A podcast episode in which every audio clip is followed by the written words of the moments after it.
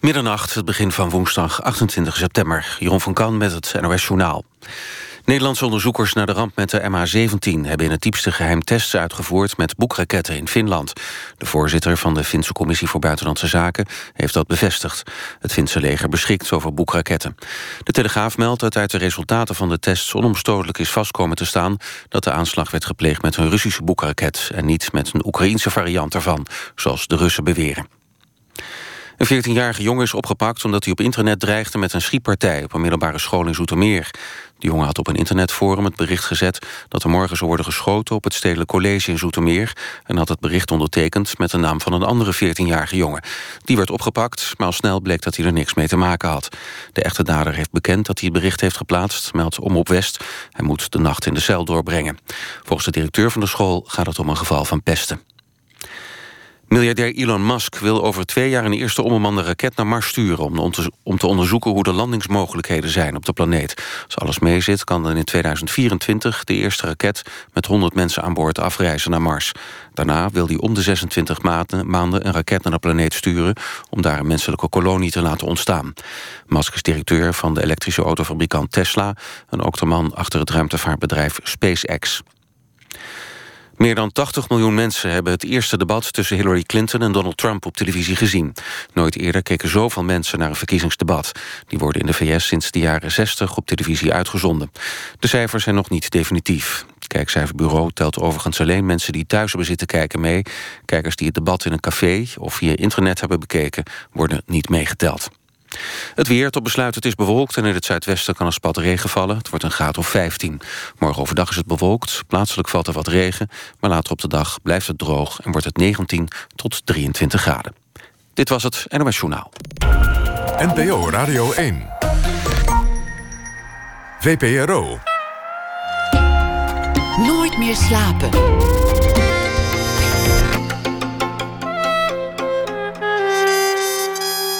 Met Pieter van der Wielen. Goedenacht en welkom bij Nooit meer slapen. Zanger Brees komt zometeen langs. Zij vertelt momenteel in de theaters over hoogte- en dieptepunten in zijn leven tot nu toe. Hits, geld, populariteit, maar ook gevangenis, vergetelheid en schulden. Dat allemaal na ene. Dan ook een verhaal van Thomas van Aalten. Hij is schrijver en zal deze week elke nacht een verhaal maken bij de afgelopen dag. En Guus Luiters vertelt over de mooiste filmrollen van Marilyn Monroe. Want deze week is het 90 jaar geleden dat zij werd geboren. We beginnen dit uur met Douwe Draaisma. Als mijn geheugen mij niet bedriegt, is de titel van het nieuwe boek. Een bundel met verhalen over ons geheugen. De herinnering. Het is de fascinatie van filosoof en psycholoog Douwe Draaisma. Hij schreef er meerdere boeken over, sommige bestsellers. Waarom het leven sneller gaat als je ouder wordt. Het Vergeetboek en De Heimweefabriek. Een thema uit de nieuwe bundel. Hoe herinneringen van vroeger worden gevormd door het heden. Hoe bijvoorbeeld een geëindigde relatie, die niet zo leuk eindigde, achteraf ineens ook als een ongelukkige periode wordt beschouwd. Douwe Drijsma is hoogleraar te Groningen, werd geboren in 1953 en zijn eerste jeugdherinnering was dat zijn voetje tussen de trapper van zijn moeders fiets kwam. En dat zal dan zijn geweest. Welkom Douwe Drijsma in 1956, zoiets. Ja, zo ongeveer. Ik was 2,5 jaar in ieder geval. En dat is zo typisch zo'n herinnering. Uh, iemand vraagt je naar de eerste herinnering en dat is je eerste herinnering. En dan vraagt nog eens iemand naar die eerste herinnering. En dan langzaam begin je zo'n eerste herinnering in, in een verhaal te veranderen. En uh, wordt het heel moeilijk om, om zeg maar het beeld, het oorspronkelijke beeld, nog op te roepen van dat inderdaad je voet tussen de spaken kwam. Misschien is het al nooit gebeurd.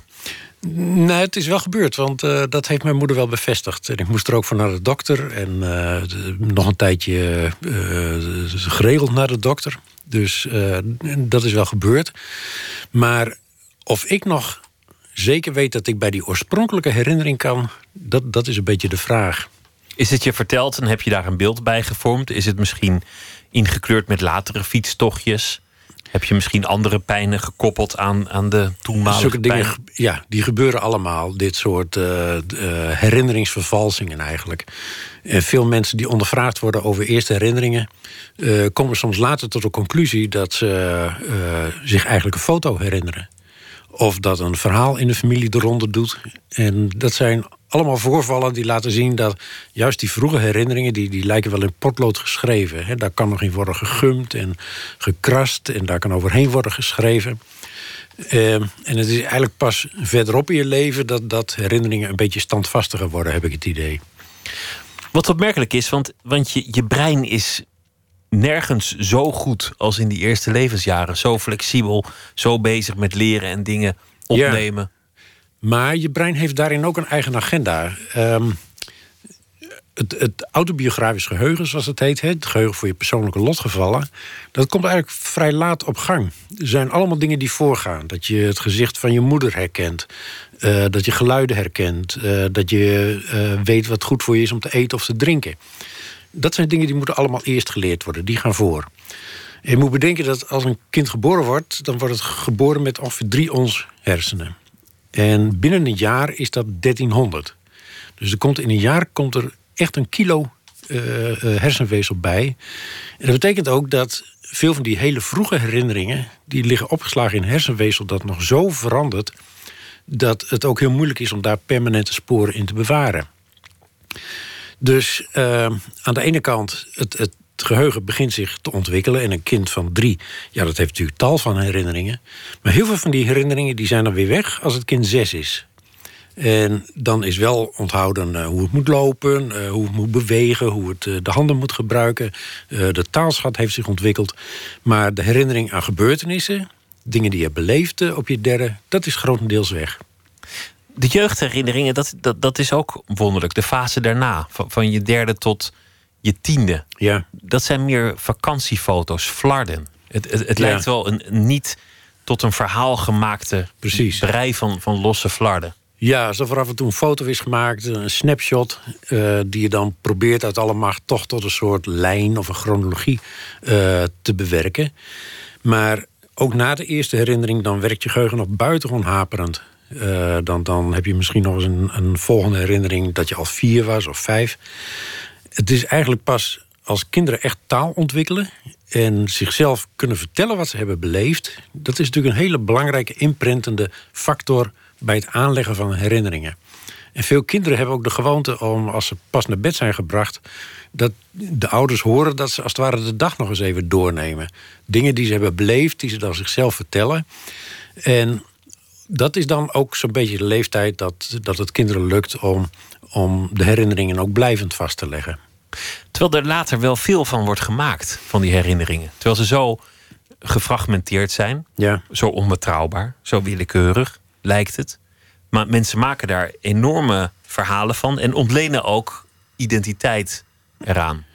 Ja, ik, ik denk dat dat veel later, of voor een deel ook later gebeurt. Uh, maar het is waar dat als mensen bijvoorbeeld een autobiografie schrijven, sommige autobiografen die wekken de indruk alsof ze echt nog helemaal toegang hebben tot die, die hele vroege herinneringen, tot die gewaarwordingen als kind.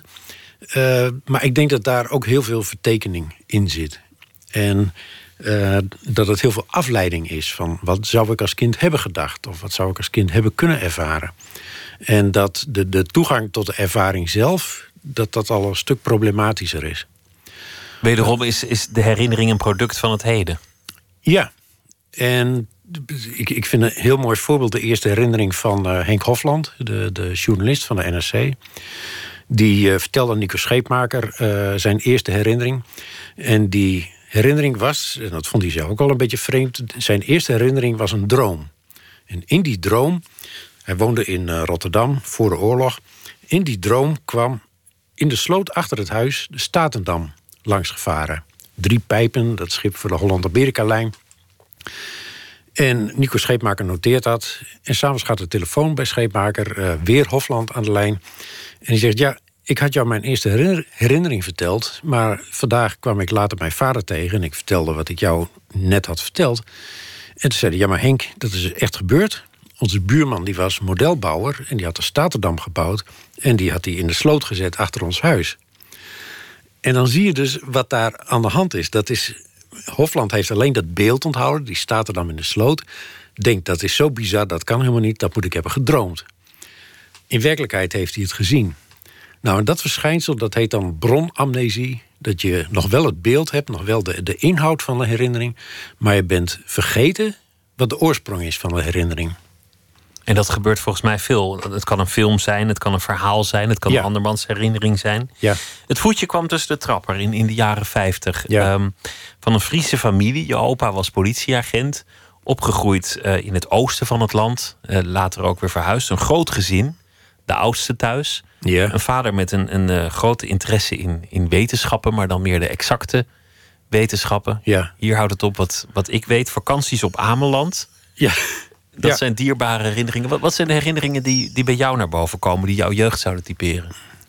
Nou, inderdaad, die vakanties. Eh, mijn ouders hadden een, een buitengewoon hardnekkige voorkeur voor eh, Ameland. En daar gingen we dan en de zomervakantie heen en de herfstvakantie. Eh, maar die, die herinner ik me ook als buitengewoon warm. Als, we kregen al de bezoek van de grootouders, die kwamen over. Eh, we hebben daar prachtig gespeeld eh, altijd. We zaten in een grieflijk huisje. Dus het waren buitengewoon eh, aangename vakanties om door te brengen. Ehm, wat je wel ziet bij die herinneringen is dat telkens als je naar dezelfde plek op vakantie gaat, dan beginnen die herinneringen een beetje over elkaar heen te schuiven. En dan ontstaat er iets als een soort prototypische herfstvakantie op Ameland herinnering. Waarin het altijd lijkt te stormen en eh, je altijd eh, bij de vloedlijn eh, hebt gelopen, et cetera.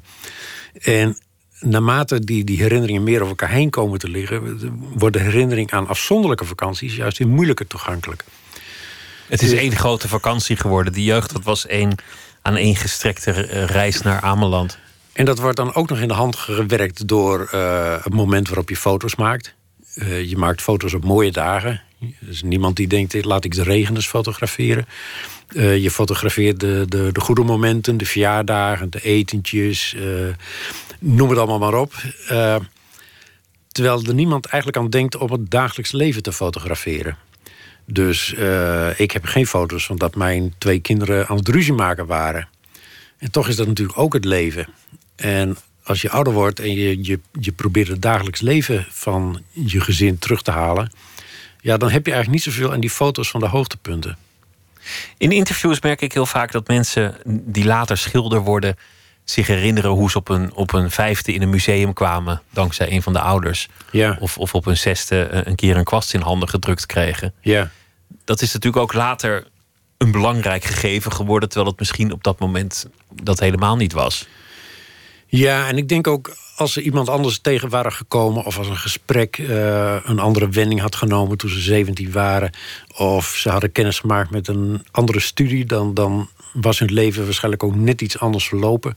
En dan was die herinnering aan de kwast die was, ja, in het niets eh, eh, opgegaan. We hebben natuurlijk een enorme eh, behoefte om, een soort lijn en een patroon in ons leven te zien. Waarbij het ene logisch volgt uit het andere, waarbij dingen een duidelijke oorsprong hebben. Maar zo'n lijn die trekken we eigenlijk altijd pas achteraf. En achteraf zien we bepaalde dingen die dan met terugwerkende kracht een soort voorteken worden. Alsof het er altijd al in heeft gezeten. En dat, dat is natuurlijk ook een beetje dubieus. Over eh, jouzelf zeggen mensen, het was al duidelijk dat hij iets met schrijven zou gaan doen als kind. Hij was altijd al Ja, met taal bezig. Hij was goed Ja, in op- taal. Op en de het middelbare hem. school, ja, ja. Dat idee had ik zelf ook wel. Eh, ook omdat mijn vader die eh, was chemicus, maar die exacte aanleg die heb ik totaal niet geërfd. Dus ik ben ook echt een, een alfa iemand. En het is soms wel handig als je maar één ding echt goed kunt. Dan heb je ook snel een soort bedding waarin, eh, waarin je talent kan vloeien. Die, en die bedding kan dan op tijd een beetje diepte krijgen. Eh, Anders was er twijfel gekomen. Je, je vindt van jezelf dat je één ding maar goed kan en, en dat is een geluk. Ja, dat vind ik een- voordeel. Laten we het, eens, het een voordeel noemen. Eh, vergeleken bijvoorbeeld bij studenten die, die eh, drie, vier, vijf begaafdheden hebben. eh, en dan jaren bezig zijn om uit te vogelen wat ze nou het beste kunnen doen.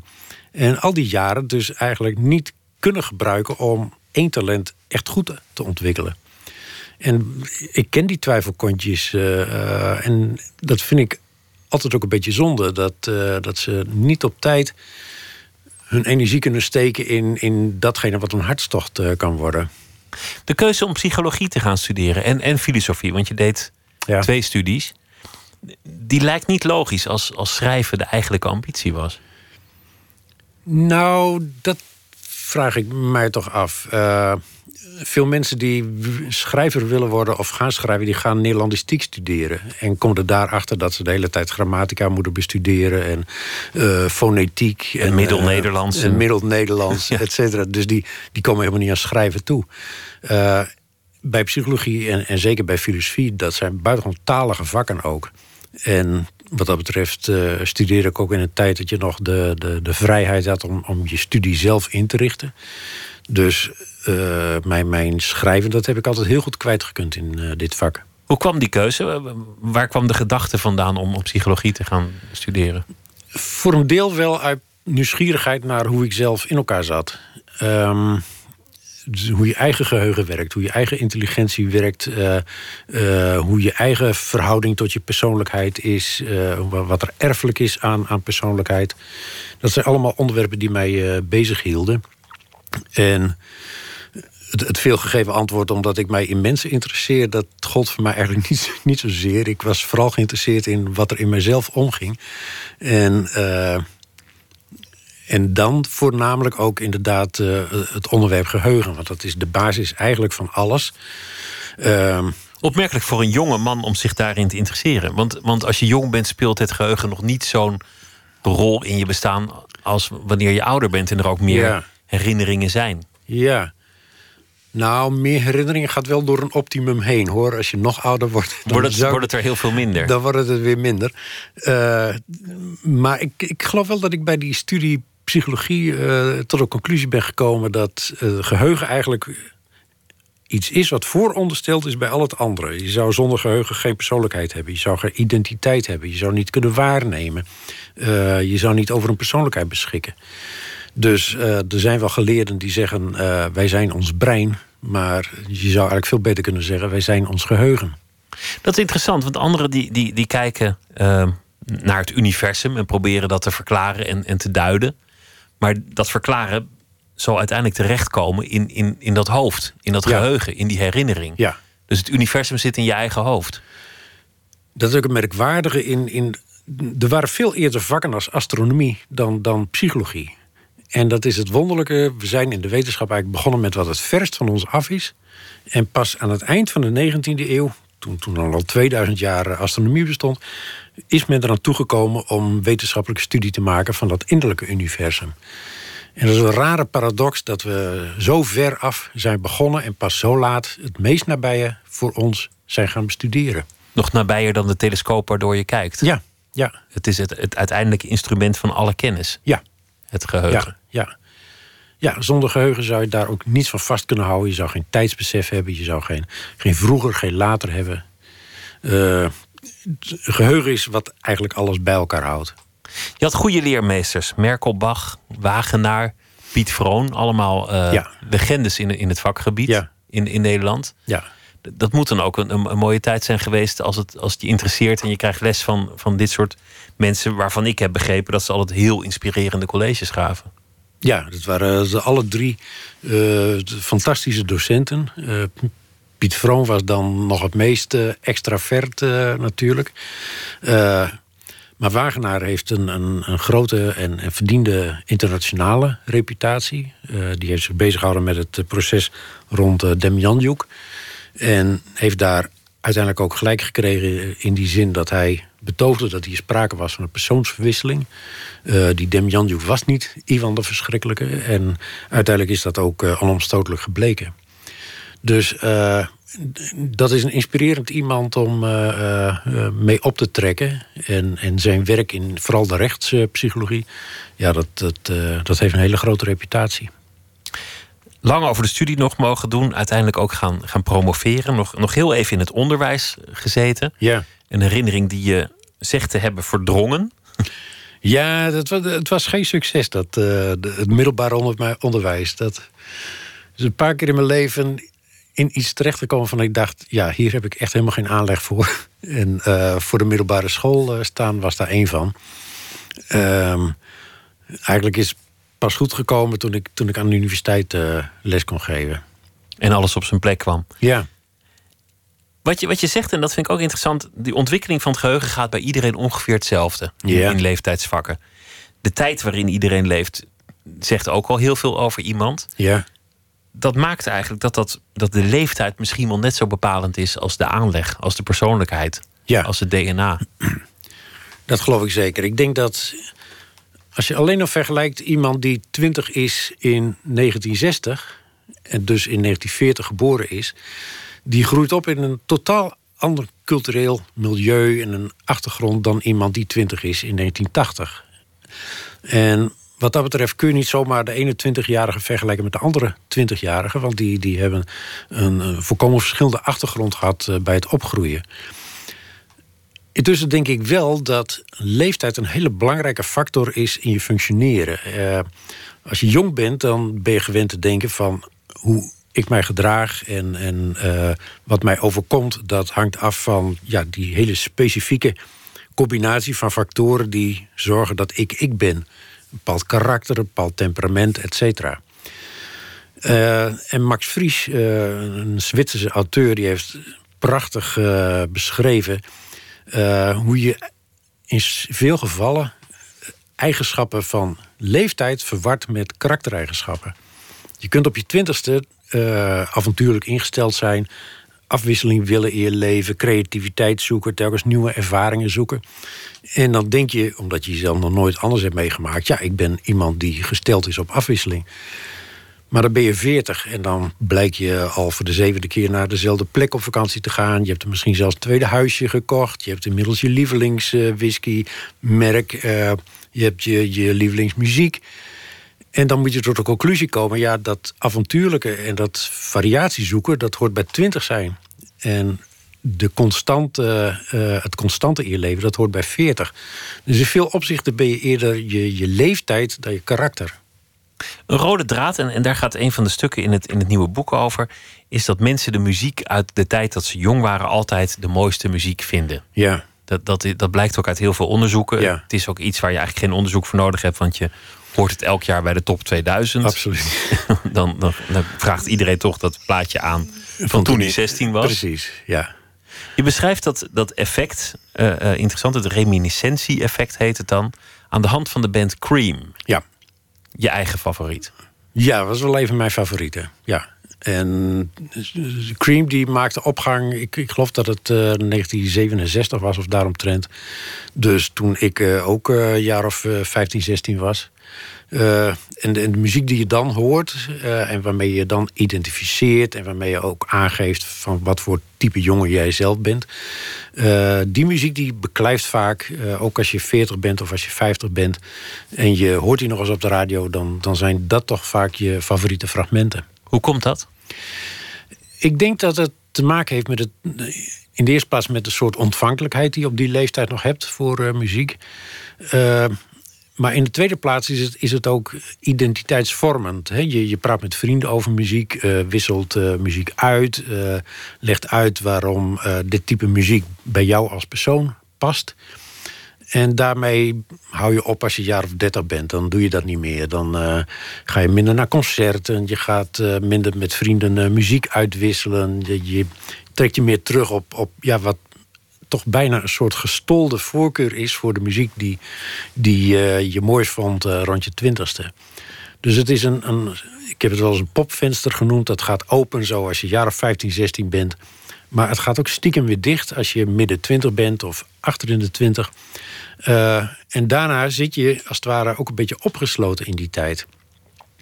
En wat ik interessant vond aan Cream is dat zij in. eh, eh, ze gingen uit elkaar, ze hebben maar twee jaar bestaan. Met vreselijke ruzies, want ze Ongelooflijke ruzies. elkaar tot het bot. Ja, ze sloegen elkaar van het podium af. Kregen ruzie over de manager, over de groupies, over hoe hard het moest, hoe lang de solo's mochten, et cetera. Slaande ruzie. Uit elkaar. Na 40 jaar bedenkt Eric Clapton, eh, misschien moeten we een reunie eh, organiseren. Eh, dat lukt hem ook nog. Hij denkt het, het is ook nu of nooit. Ginger Baker, de drummer, die lijdt aan artritis. Jack Bruce heeft een levertransplantatie, maar net overleefd. Dus het, het werd ook tijd, anders zou het niet meer kunnen. Schreef een paar prachtige reunieconcerten, 2005.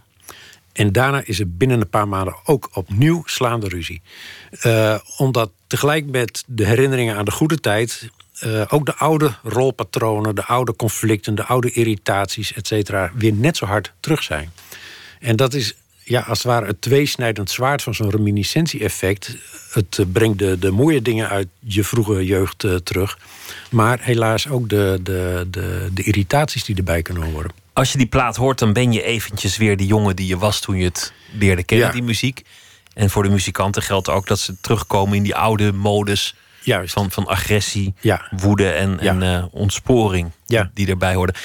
Nou is het volgens mij ook wel, wel misschien zo, maar, maar ja, dat, dat, dat is dan meteen eh, subjectief. Maar de muziek in de jaren 60 was toch ook wel gewoon beter dan die in de jaren 80. Van welke jager ben jij, eh, Pieter? Ik ben van 74, dus ik groeide Oh. op met, met, met muziek uit de jaren 80. En dat was vaak gewoon niet zo best.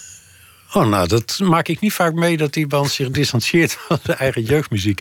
Eh, meestal krijg ik. Ik krijg bij lezingen vaak te horen van. eh, ja, maar de muziek eind jaren 60 was ook gewoon beter. Je had de supergroepen, je had de Beatles en de Stones, je had de grote gitaarhelden. En je gaat mij niet wijsmaken dat er in de jaren 80 nog dat soort goede muziek gemaakt werd. Maar als je daar experimenten eh, mee doet en, en je neemt echt honderden proefpersonen en, en duizenden fragmenten, dan is de, de grote lijn dat mensen zeggen van de beste popmuziek werd gemaakt toen ik een jaar of twintig was en daarna ging het hard achteruit. Dus in dat opzicht ben je atypisch. eh. Laten we luisteren naar, eh, naar Cream uit, uit hun gloriejaar. Ik was eh, min 8, 1966. En het nummer heet I Feel Free.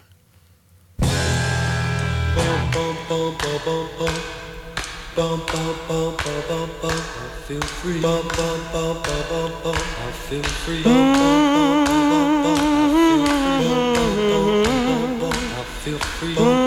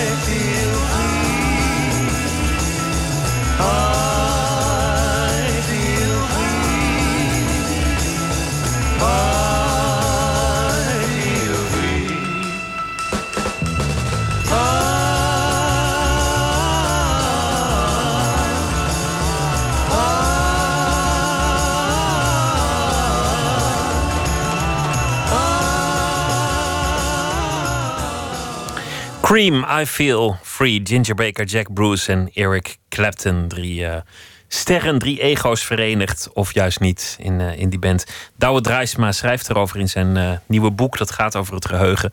Als mijn geheugen mij niet bedriegt. Heel even was je die, die jongen die dit leerde kennen op zijn nou, dertiende, denk ja, ik. ja. Wat, wat, wat voor herinneringen springen er dan naar boven? Niet speciaal met dit nummer, maar wel dat nummer White Room. Eh, dat het een totaal raadselachtige, tekst eh, eh, heeft. Tired Starlings, Yellow Tigers, Crouch in Jungles. Eh, ehm, en pas later realiseer dat dat ja, uitdeel maakt van een psychedelische traditie. En dat ehm, wat er gezongen werd er eigenlijk ook helemaal niet zoveel toe deed. En met name de bekendste nummers van, van Cream... die hebben allemaal die, die beetje psychedelische inslag... En voor mij is dat heel erg geassocieerd met die vloeistofprojecties... Uh, uh, die, die dan altijd op een groot scherm achter, uh, achter zo'n groep werden vertoond. Die je ook hebt gezien, want jij ging ook naar optredens als, als Cream heb ik niet gezien, maar de, de tijdgenotengroepen wel heel veel. The Birds bijvoorbeeld. Nou, dat is ook, ook niet, niet mal om, die, om die te zien.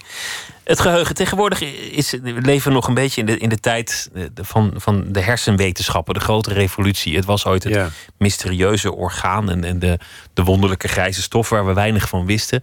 de verleiding om alles in de scanner uit te zoeken is, is daarna heel groot geweest en heeft ook heel veel gebracht. Maar dat is, dat is niet de eerste interesse die jij hebt als het gaat om het geheugen. Het gaat er niet om waar zit het in het brein of, of wat gebeurt er nou fysiek of wat is een herinnering. De andere vraag die altijd naar boven komt, is het waar? Lijkt ook niet de allereerste interesse. De, de interesse bij jou lijkt meer dat geheugen, dat maakt ons tot wie we zijn, maar ja. hoe werkt dat eigenlijk? Ja. ja, ik denk dat je moet bedenken dat, met name als het gaat over herinneringen aan je eigen lotgevallen, dat er een klasse van herinneringen is die vatbaar is voor dingen die verderop in je leven gebeuren. En dus als je verderop in je leven iets hoort of begrijpt of kunt plaatsen of te weten komt, dan kan dat met terugwaartse kracht invloed hebben op uh, bepaalde herinneringen. Een voorbeeld is dat uh, als je pas op je veertigste hoort dat je eigenlijk een andere biologische vader hebt dan je altijd dacht, dan zorgt dat ervoor dat je je levensverhaal opeens in een heel ander licht komt te staan. En dat dingen die je hebt beleefd of dacht te hebben beleefd, dat die misschien wel net een iets andere toedracht hebben dan jij altijd uh, hebt geloofd. En dat, is het, uh, dat vind ik eerder het fascinerende, fascinerende aan herinneringen dan zeg maar, de specifieke plek waar ze zitten of de, de, de specifieke cellen die erbij betrokken zijn.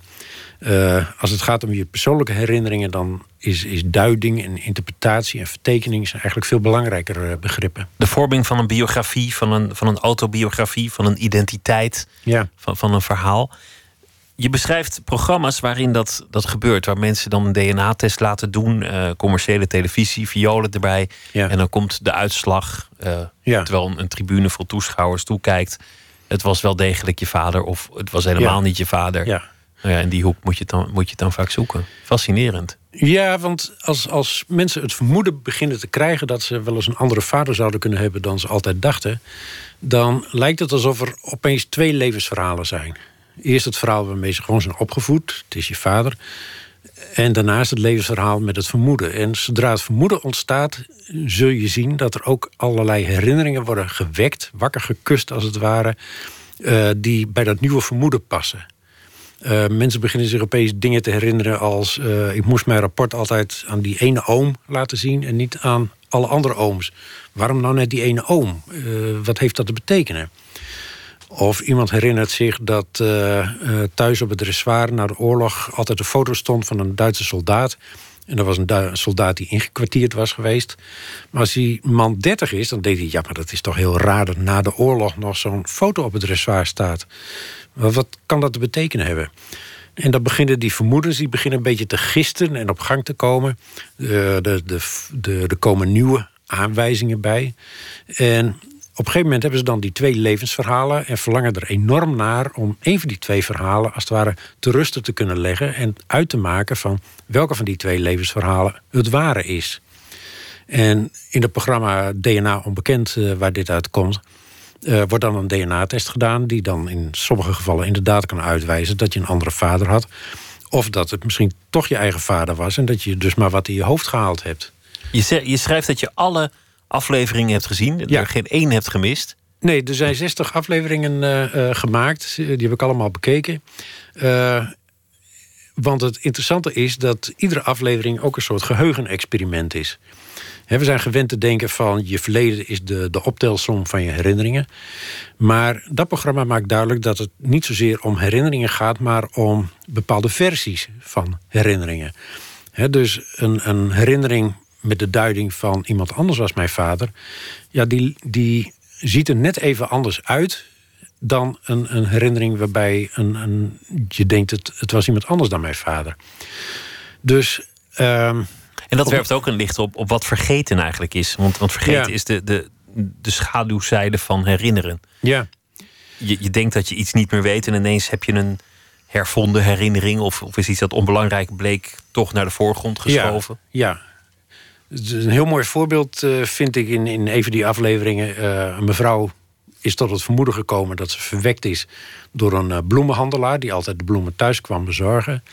Eh, begint daar steeds meer aanwijzingen voor te zien. Ze vindt dat ze niet zoveel weggeeft van haar zus uit hetzelfde gezin. Dat ze eigenlijk eerder lijkt op de kinderen uit het gezin van die bloemenhandelaar. Kortom, binnen een half jaar heeft ze allerlei aanwijzingen verzameld waarom zij wel eens door die bloemenhandelaar zou kunnen zijn verwekt. Nou, dan op een avond dan raapt ze alle moed eh, bij elkaar en dan zegt ze tegen haar broer dat zij denkt dat zij een andere vader heeft. Die broer die wordt boos, want betekent dat zijn moeder dus ontrouw is geweest. En die zegt: Nee, dat zou moeder nooit doen. Eh, wat haal je in je hoofd? En een beetje boos eh, gaat hij naar huis. Volgende ochtend eh, belt hij op en dan zegt hij: Ja, dat verhaal is toch een beetje bij mij gaan spoken. En ik ben ook over die bloemenhandelaar. begin ik mij, nu mij steeds meer te herinneren. En een van de dingen die ik mij nu herinner is dat als hij bij ons bloemen kwam bezorgen. dan mocht ik altijd in de cabine van de vrachtwagen spelen, zolang als ik wou. En dat is dan natuurlijk een herinnering die opeens in een heel ander licht staat. Eh, die bloemenhandelaar wilde blijkbaar geen pottenkijkers. Eh, waardoor een, een, een één herinnering aan één en dezelfde gebeurtenis zo anders belicht wordt dat het ook een andere herinnering wordt. En uiteindelijk bleek uit die DNA-test ook daadwerkelijk dat die mevrouw was verwekt door de bloemenhandelaar. Je beschrijft ook het verhaal van de Yuna-bomber. Dat was eh, de, de, de grote terrorist in de jaren negentig, voor, dat- voor 11 september nog. Zijn, als eenmaal bekend wordt dat degene die, die de Yuna-bomber bleek te zijn het ook is, dan zeggen heel veel mensen die hem gekend hebben: het was altijd al een rare snuiter. Ja, Kleine details blijken ineens ja. van grote betekenis. Ja. Er was eh 17 jaar te vergeefs op die man eh, gejaagd. Er stond een miljoen dollar op zijn hoofd. Hij is uiteindelijk aangegeven door zijn eh, broer, die iets herkende in, eh, in de teksten die hij eh, verspreidde. Omdat hij zo lang onvindbaar was, zwermde er een enorme stoet aan journalisten, biografen, psychiaters, als het ware uit over zijn verleden. Begonnen vroegere klasgenoten te ondervragen, onderwijzers, zijn moeder, zijn broer, et cetera.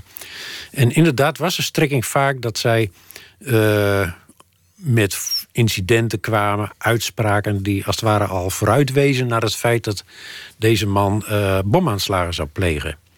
Bijvoorbeeld dat hij een keer een bommetje had laten ontploffen in het scheikundelokaal. Eh en zijn moeder had verhalen over eh, hoe hij als jongen al heel eenzaam was en, en heel wonderlijk en agressief kon reageren. Tegelijkertijd, er gaan voortdurend bommetjes af in scheikundelokalen. eh gemaakt door leerlingen die later geen eh seriemoordenaar worden. Dus ook hier heb je eigenlijk het proces dat je de afloop... dat je je herinneringen als het ware interpreteert en duidt naar de afloop. In plaats van andersom. En dat is een berucht eh, probleem bij eh, forensisch psychiatrisch onderzoek. Dat eh, zodra je zeg maar, de omgeving van iemand gaat ondervragen... als er sprake is van een ernstig delict... de, de vroegere onderwijzers, buren, vrienden, collega's... dat de, de herinneringen zo direct al vertekend worden door de wetenschap... dat iemand een delict heeft gepleegd... dat het ook heel moeilijk is om die herinneringen nog als betrouwbaar... of onpartijdig op te vatten. Het is wat je, wat je ook ziet met een voetbalwedstrijd die verloren is. Dan, dan zeggen mensen achteraf: het, het was een slechte wedstrijd of ze waren niet in vorm. Terwijl als die ene bal er wel in was gegaan, Ja, dan, dan ja. is het verhaal natuurlijk totaal anders. Ja. Dan, dan waren ze in topvorm en dan liepen ze er eh, stralend bij. We bekijken alles vanuit de afloop. Hoe moet je dan leven? Want, want je zei eerder: onze identiteit, wie we zijn, wie we denken te zijn. Dat bestaat allemaal uit herinneringen. Het verhaal Mhm. dat we van onszelf maken. Ja. De gedachte aan wie we zelf zijn komt daar vandaan. Maar eigenlijk zijn, zijn die herinneringen niet echt betrouwbaar. Ze zijn ook een product van het heden. Ja, dus er, er wordt voortdurend vanuit het heden als het ware invloed uitgeoefend op die herinneringen. En omdat veel van ons verleden eigenlijk ook alleen als herinnering nog voorhanden is, betekent dat ook dat ons verleden achter onze rug om als het ware kan veranderen. En dat, dat gebeurt ook geregeld. Eh, er kunnen altijd dingen gebeuren die ervoor zorgen dat het verleden zoals jij je dacht dat te, te herinneren, er opeens anders bij ligt door een gebeurtenis. Ehm, Maar dat betekent dat als je verongelijkt bent, om, omdat je tekort bent gedaan in je Ja. jeugd, dat je dat ook even makkelijk zou kunnen loslaten, omdat het misschien een product is van het heden. het, Dat, het dat zou je dat eigenlijk niet kunt vastpakken. tot relativering kunnen leiden, maar zo werkt het vaak niet. Ehm Kahneman, dat is een, een econoom en psycholoog, die heeft een, zogeheten eindeffect eh, eh, geïdentificeerd. En dat zegt eigenlijk dat de, de manier waarop iets afloopt, en of dat nou een concert is, of eh, een, een, een carrière, een loopbaan, een, zelfs een huwelijk, de manier waarop het afloopt, dat heeft een buitenproportionele invloed op hoe het, het hele huwelijk, het hele concert wordt beoordeeld. Ehm, dus als een huwelijk eindigt in een vechtscheiding, dan maakt het niet uit of je nou tien jaar gelukkig bent geweest of dertig jaar gelukkig. Dat deel dat valt als het ware weg tegen de invloed van dat eindeffect. En dat is in sommige opzichten ook een, een wel heel onthutsend eh, verschijnsel. Dat de manier waarop het eindigt. eh, je ziet het bij loopbanen als mensen uit hun werk geduwd worden in plaats van vrijwillig met pensioen gaan, dan kunnen mensen echt eh, nog heel lang verbitterd zijn over hun hele loopbaan. En dat is een, een, een rare illusie natuurlijk. Eigenlijk zou je moeten zeggen, hij heeft een hele goede loopbaan gehad, 30 jaar, succesvol, goed gefunctioneerd. Maar toch, als het in één jaar of een half jaar bitter eindigt, dan zorgt dat ervoor dat die hele loopbaan als het ware overschaduwd wordt door hoe het is geëindigd. Want je kijkt, je kijkt vanuit het einde, je kijkt achterstevoren. Ja, Het, het recente ja. verleden staat in de weg Precies. van het, van het Ja, verleden daarachter. Kun je daar zelf naar leven? Als, als, als je werk is om het geheugen te bestuderen, om, om bezig te zijn met dat, dat innerlijk, betekent dat dan ook dat je, dat je daar zelf naar kunt leven als psycholoog? Nou, soms maak je er wel gebruik van. Als ik. eh, een student heeft een bachelorthese geschreven, bijvoorbeeld, en je moet feedback geven. eh, en je hebt een, een- echt een, een, zwaar kritiekpunt, dan is het wel de kunst om dat niet aan het eind te positioneren. Hè, want dan, dan zijn al je complimenten die je misschien ook hebt gegeven, die, die worden op slag onzichtbaar. Die verdwijnen direct achter dat ene kritiekpunt. Dus dat moet je echt sandwichen. Een punt van kritiek moet je stoppen tussen een compliment en, en een ander compliment. Eh, want dan komt het ook veel beter aan. Eh, Eindigen met een vrolijke boodschap, dan gaat iedereen blij naar huis. nou, Als je een lezing geeft. Ja. de- de- de- als er vragen gesteld worden na afloop, dan vraag ik ook al: heeft iemand nog een beetje een vrolijke vraag? Want eh, al die vragen over dementie, om daar nou mee naar huis te gaan, dat. eh, Maar, maar werkelijk hoe je leeft. Dus, dus hoe je omgaat met je eigen nostalgie, met, met de inschatting van je geluk. Met, met bepalen of, of je leven is gelopen zoals je had gewild. Met, met de biografische gegevens waar je waarde aan toekent. ja. Je weet zo goed dat het, dat het eigenlijk niet echt zo werkt. En Ja. toch zul je het zelf ook doen. In, in je beschouwen over je eigen bestaan. Ja. Wat dat betreft vind ik is er een parallel met, met, met visuele illusies. Hè. Iedereen kent de maanillusie. Eh als je de deur uitstapt en de maan die staat precies in het verlengde van de straat, lijkt die gigantisch groot. Eh wacht je een paar uur en hij staat hoog aan de hemel, dan is het nog dezelfde maan, maar die lijkt heel klein. En al is jou tien keer uitgelegd hoe die illusie ontstaat, je blijft er gevoelig voor. En dat geldt ook voor al die, die wonderlijke illusies waar wij aan onderhevig zijn, ook als je psycholoog bent. Dus een bekende illusie, eh, als je zelf aan het woord bent, gaat de tijd sneller dan wanneer je eh, moet luisteren. Eh, de tijd gaat sneller als je ouder wordt. En hoewel je weet dat het een illusie is en dat het strijdig is met de klokkentijd, je blijft eraan onderhevig. De echte tijd is misschien wel de, de, de oerfascinatie... die nog onder, onder de fascinatie voor de herinnering ligt. Misschien de wel, beleving ja. van de tijd. Ja, ja. Dat is eigenlijk bijvoorbeeld waarom het leven sneller gaat als je ouder wordt. Dat is, om zo te zeggen, de moeder van alle tijdsillusies. Die, eh, eh, die, die begint te tellen wanneer je zeg maar een beetje in de veertig eh, bent. Dat is voor veel mensen de leeftijd waarop ze zich beginnen te realiseren... dat de, de, de jaren een beetje lijken te krimpen.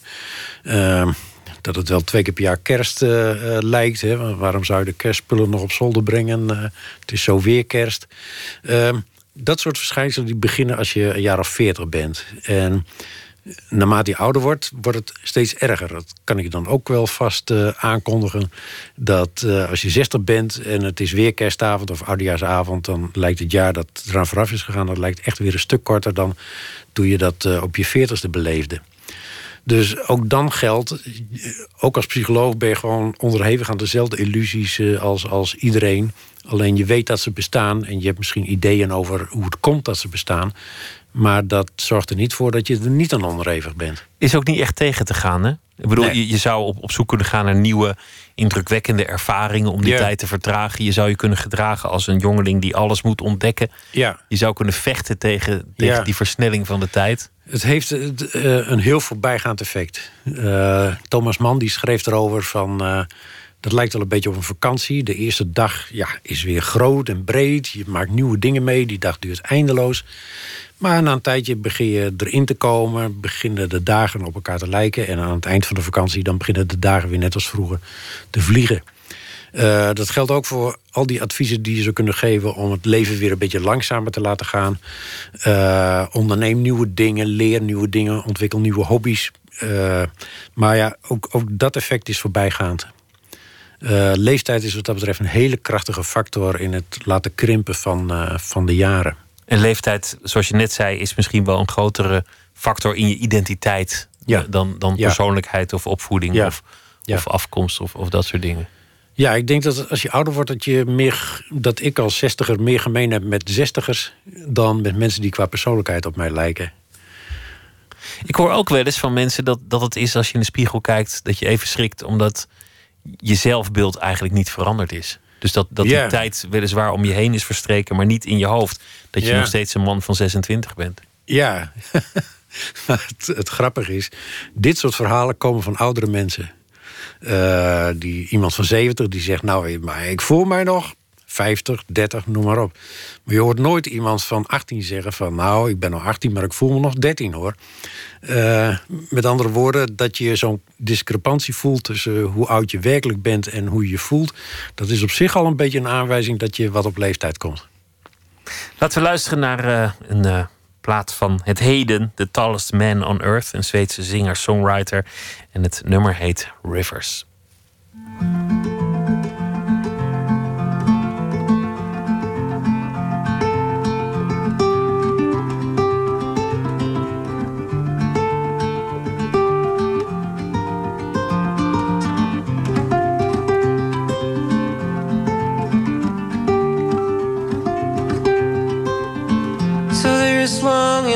Shoulders now. There was a wildness in that time. Can we now say the sweet were the hours, but hours to find? There was no way to live in simple dreams. There was no straightness to our line, gravel in hand. To darling, we're moving the mountains around. Is the fire of leaving pains when the love is gone, but the need remains. Into the shivering cold of day when the house is gone, but the street remains. Oh, I guess it's true. I guess these rivers never knew. And then so finally the nighttime comes. There is no light to cast the blame, no need to hide, no fear who I'd meet in some grocery lane. This is the fire of leaving pains when the love is gone, but the need remains. Into the shivering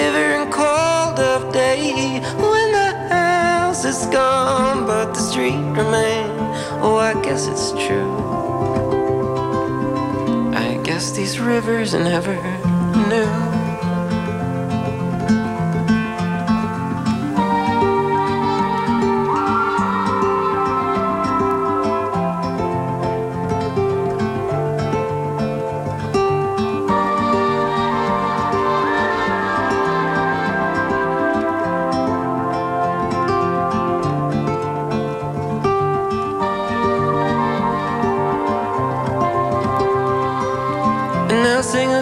Seasons till you turn me up.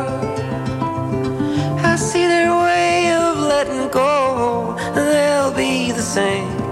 And whatever changes, these changes I know.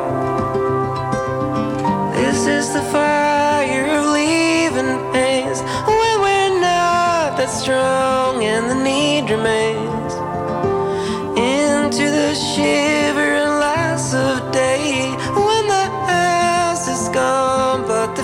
the remain. Oh, I guess it's true. I guess these rivers never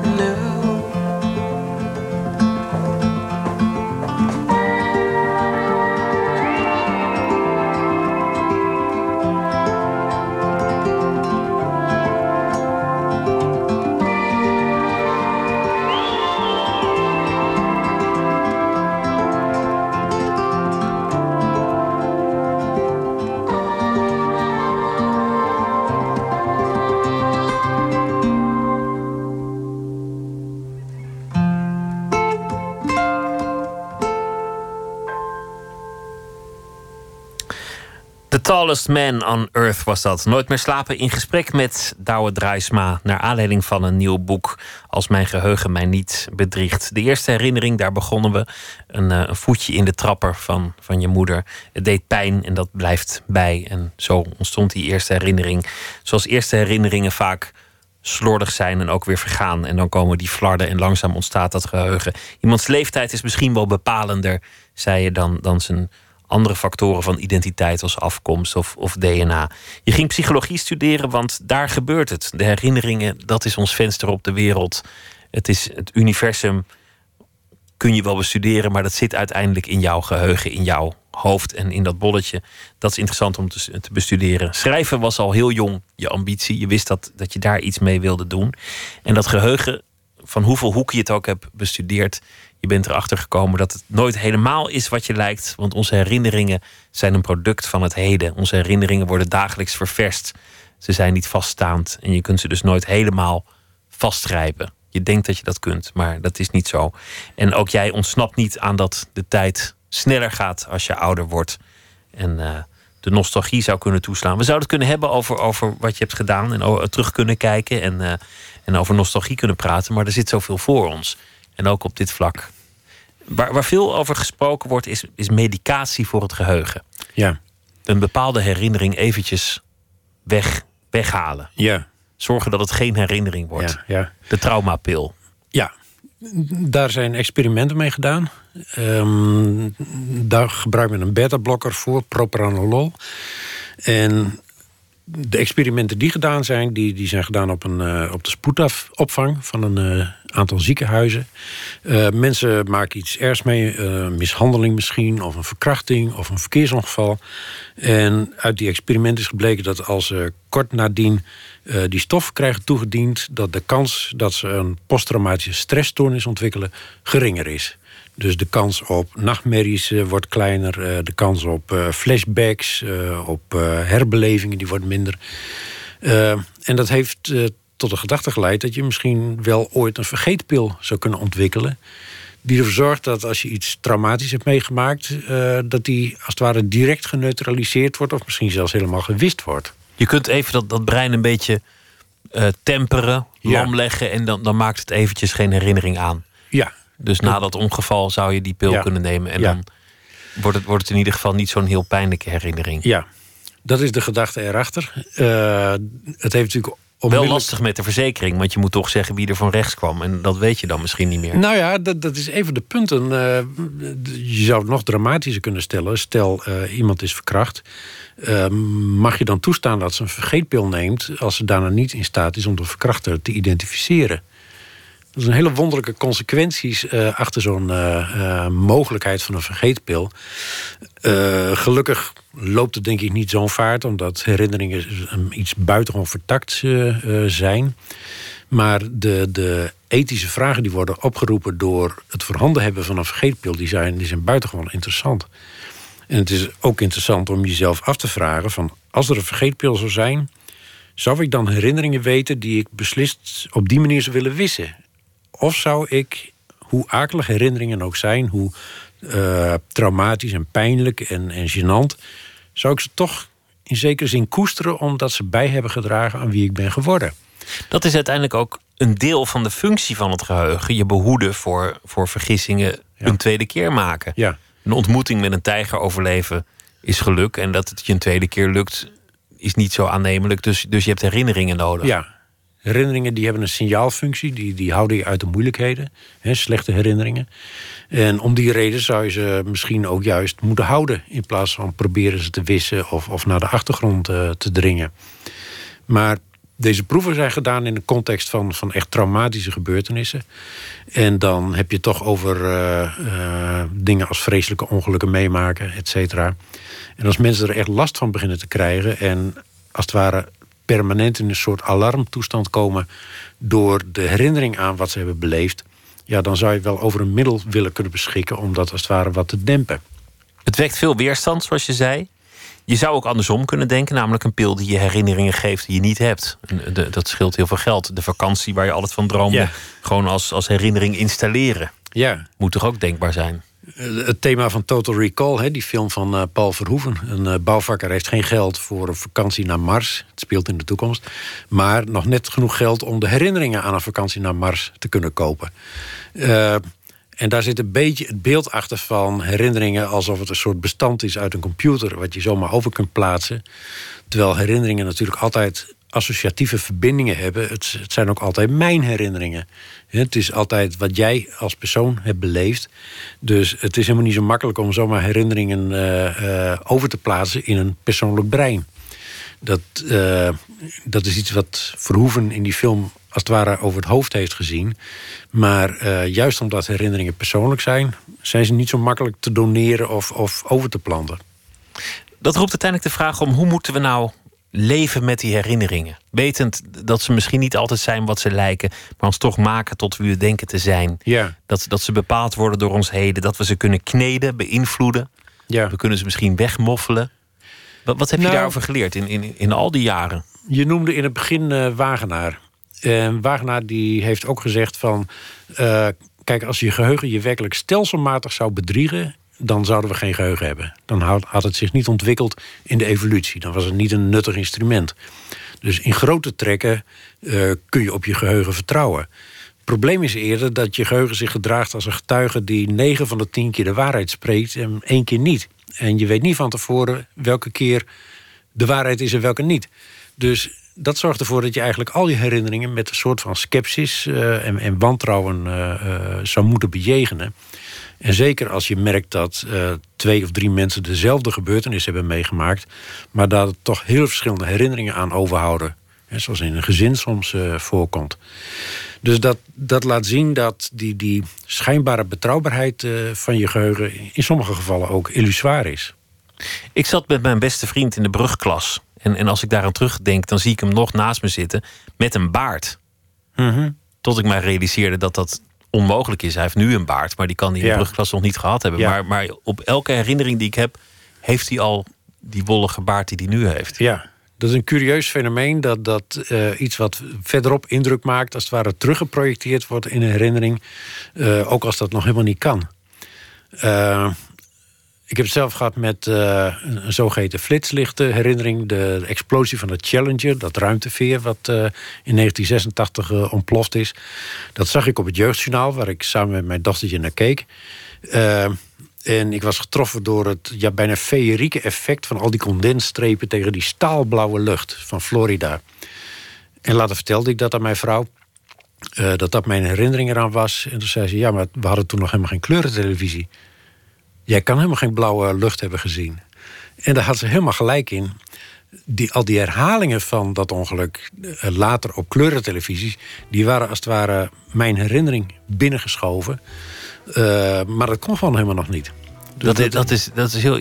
Zoals ik ook altijd de datum heb onthouden: 28 januari 1986. Ja, ja. Dat, wa- waarom die datum ineens zo belangrijk was, weet ik niet, maar die ben ik nooit ja, vergeten. nee.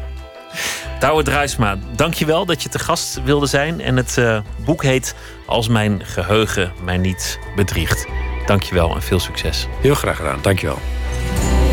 Zometeen gaan we verder met Nooit meer slapen. Twitter, het VPRO NMS. We zitten op Facebook en we kunnen ook podcasten via de website van de VPRO.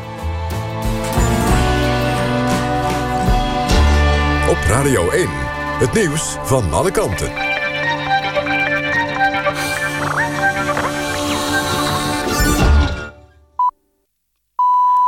1 uur, Jeroen van Kam met het NRW Journaal. Nederlandse onderzoekers naar de ramp met de MH17... hebben het diepste geheim tests uitgevoerd met boekraketten in Finland. De voorzitter van de Finse Commissie voor Buitenlandse Zaken heeft dat bevestigd. Het Finse leger beschikt over boekraketten. De Telegraaf meldt dat uit de resultaten van de tests... onomstotelijk is vastkomen te staan dat de aanslag werd gepleegd met een Russische boekraket... en niet met de Oekraïense variant ervan, zoals de Russen beweren. In de burgemeesterswijk in Maasluis blijft de komende twee weken een noodverordening van kracht. Het vervangt het noodbevel dat de burgemeester zaterdag instelde... na een reeks incidenten tussen Marokkaans-Nederlandse jongeren en andere bewoners. De gemeenteraad van Maasluis stemde afgelopen avond in met de noodverordening. Volgens die verordening zijn samenscholingen van meer dan vier mensen verboden... en mogen mensen geen voorwerpen bij zich dragen die als wapen zouden kunnen worden gebruikt. Een 14-jarige jongen is opgepakt omdat hij op internet dreigde met een schietpartij op een middelbare school in Zoetermeer. De jongen had op een internetforum het bericht gezet dat er morgen zou worden geschoten op het Stedelijk College in Zoetermeer. En had dat bericht ondertekend met de naam van een andere 14-jarige jongen. Die werd opgepakt, maar al snel bleek dat hij er niets mee te maken had. De echte dader geeft bekend dat hij het bericht heeft geplaatst, meldt Omroep West en moet de nacht in de cel doorbrengen. Volgens de directeur van de school gaat het om een geval van pesten. Miljardair Elon Musk wil over twee jaar een eerste onbemande raket naar Mars sturen... om te onderzoeken hoe de landingsmogelijkheden zijn op de planeet. Als alles meezit, kan dan in 2024 de eerste raket... met 100 mensen aan boord afreizen naar Mars. Daarna wil hij om de 26 maanden een raket naar de planeet sturen... om daar een menselijke kolonie te laten ontstaan. Musk is directeur van de elektrische autofabrikant Tesla... en ook de man achter het ruimtevaartbedrijf SpaceX. Het weer tot besluit, het is bewolkt en in het zuidwesten kan een spat regen vallen. Het wordt een graad of 15. Morgen overdag is het bewolkt, plaatselijk valt er wat regen... maar later op de dag blijft het droog en wordt het 19 tot 23 graden. Dit was het NOS Journaal. NPO Radio 1. VPRO. Nooit meer slapen.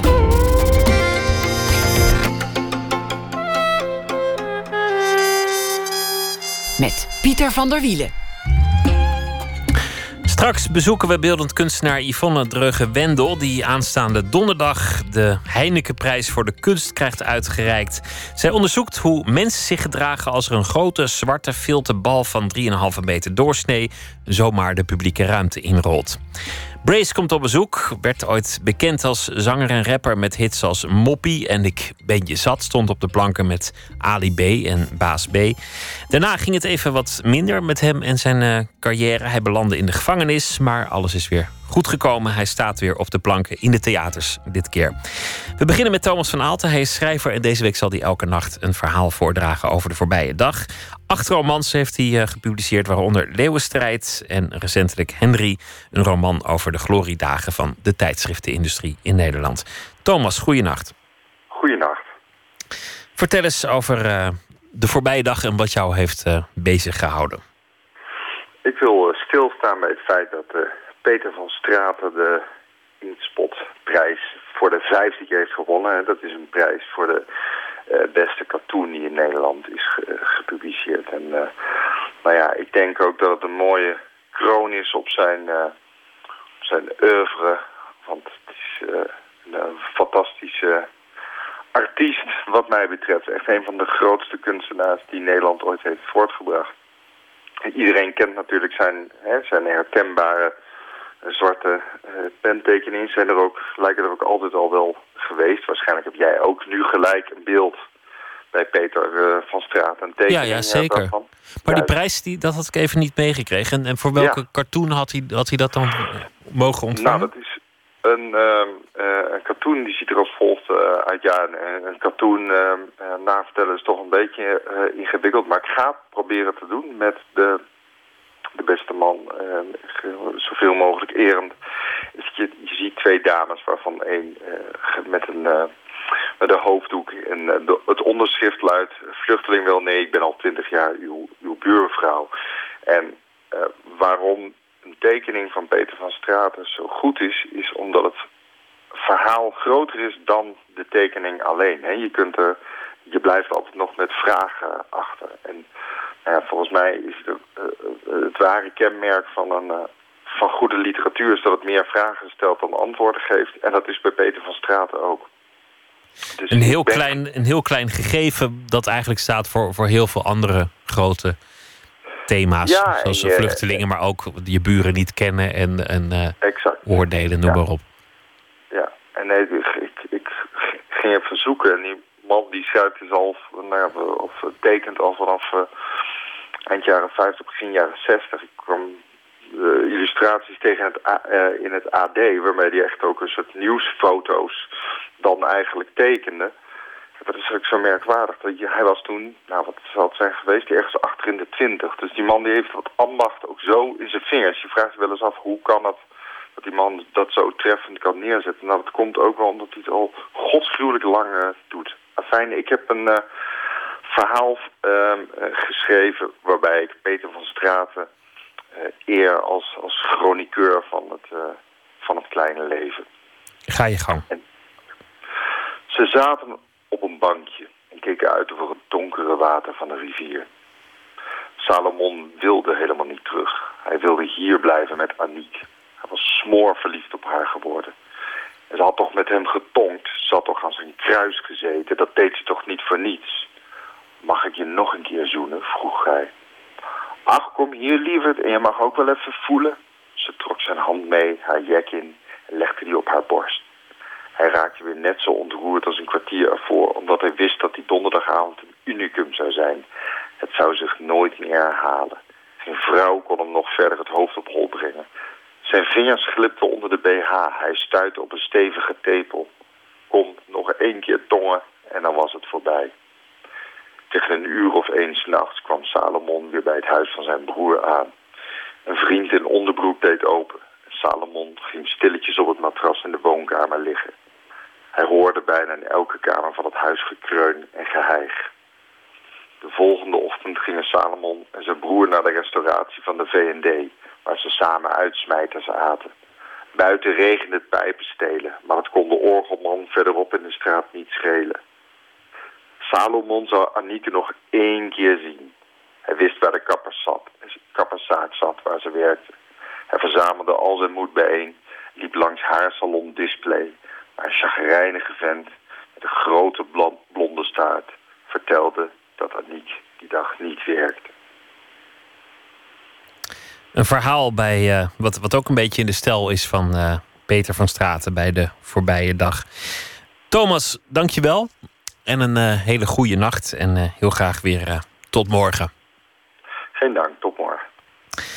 Ty Dolla Sign is een artiestennaam van Tyrone Griffin, een Amerikaanse zanger en rapper uit Los Angeles. Op zijn nieuwe campaignproject staat ook een ballade die eigenlijk een mea culpa is aan zijn moeder voor alles dat hij heeft gedaan. Maar hij zingt het ook eh, heel mooi, dus waarschijnlijk zal moeders het wel allemaal vergeven. Het nummer heet Stealing.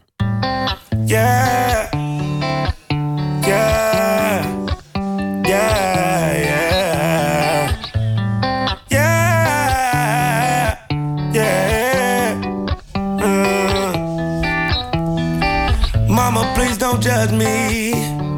Cause I'm a criminal. Mama, I know you love me. Even though I'm a criminal. Yeah. No, it's not subliminal. No. And it's not terminal. Oh, oh, oh, oh, it's emotional. Stealing all these bitches' hearts.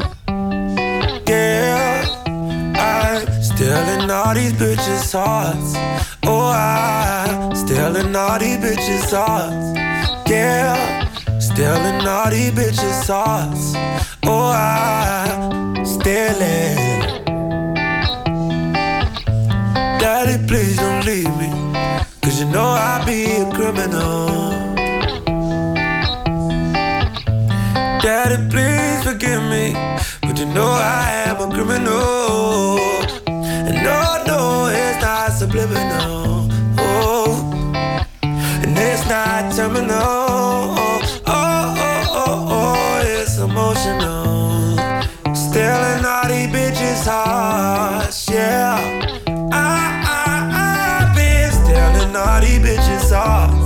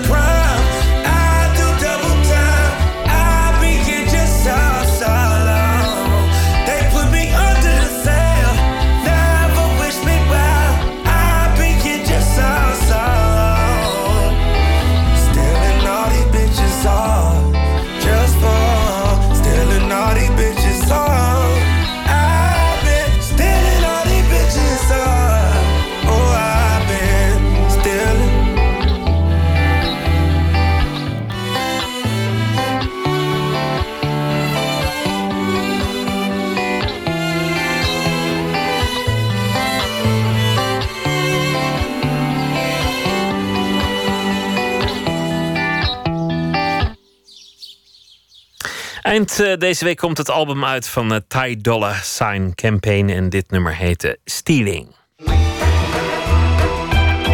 Nooit meer slapen. Aanstaande donderdag is het zover. Dan wordt een van de belangrijkste kunstprijzen van Nederland, de Heinekenprijs voor de kunst, uitgereikt. En hij gaat naar beeldend kunstenaar Yvonne Dreugen-Wendel. Ze krijgt de prijs voor haar onderzoek naar hoe objecten ons gedrag beïnvloeden.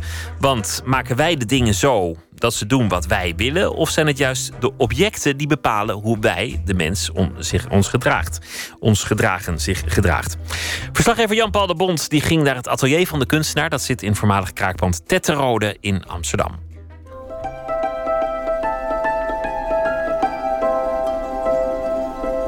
Ze is hoofd van de afdeling Beeldende Kunst van de Rietveld Academie en promovendus aan de Universiteit van Twente.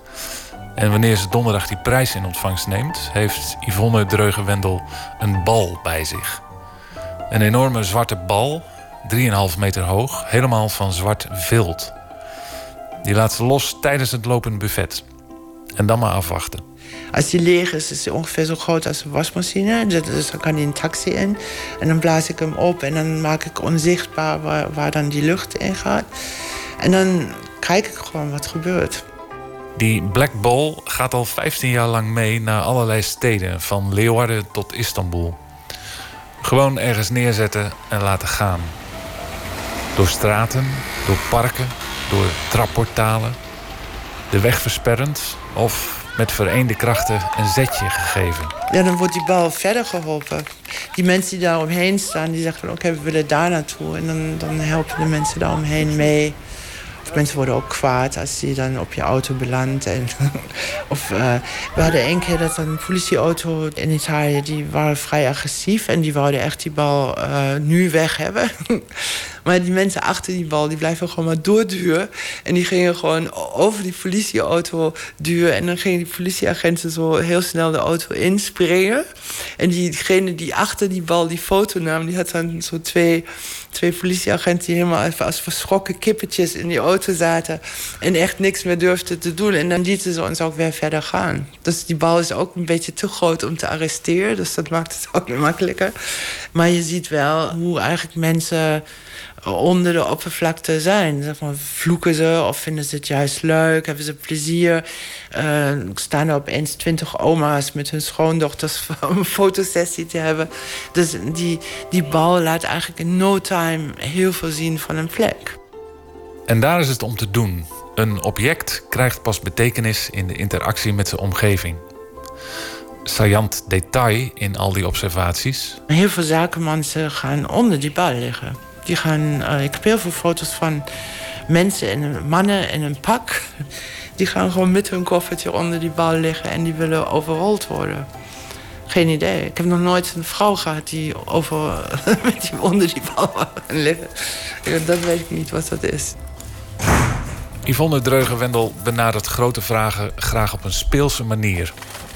Zeker, ze spreekt er graag en diepgravend over met academici, filosofen of andere kunstenaars. Maar tegelijkertijd laat ze speelgoedrobots rondrijden op een groot stuk papier op het museumplein. Die witte is het. Ik krijg een kleine demonstratie, maar dan moeten we even naar de opslag in de kelder. Even graven. Deze rijdende poppetjes, eh, die, daar wou ik heel graag dat de objecten zelf gaan optekenen wat ze aan het doen zijn. Dus dat, dat ik niet verslag moet maken van eh, de bewegingen van de dingen, maar dat de dingen dat uit zichzelf doen. En onderling een beetje in de gaten houden wat ze aan het doen zijn. Nou, ik moet het even beschrijven. We nemen een groot eh, tekenvel. Ja. Een speelgoedpoppetje wat zelf over de grond beweegt.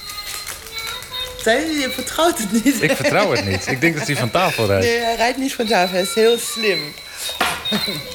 Maar weet hij nou ook waar het tekenblad ophoudt? Ja, zie je toch? En hoe die dan, hoezo die dan tussendoor naar rechts en naar links gaat, weet ik niet. Heeft ook geen eigen wil, dat zou je denken, maar dat heeft hij niet. Want wat je doet, er zit een, een, een bewegend... de- nou ja, los van dat het poppetje rondrijdt, zit er een bewegend deel aan. En daar Ja. plak je een, eh, een merkstift aan vast. Ja, maar dan, eh, dan kijk eens, ik heb hier nu een beetje een lange plastic. Hè? Maar stel, ik maak dat plastic een beetje korter en plak het hier. Dan zal je zien dat je een heel andere tekening krijgt. En als je zo meerdere van die robots rond laat lopen... en je beïnvloedt met magneten welke weg ze afleggen... krijg je na verloop van tijd een prachtig lijnenspel. Een soort spirograafachtige tekening.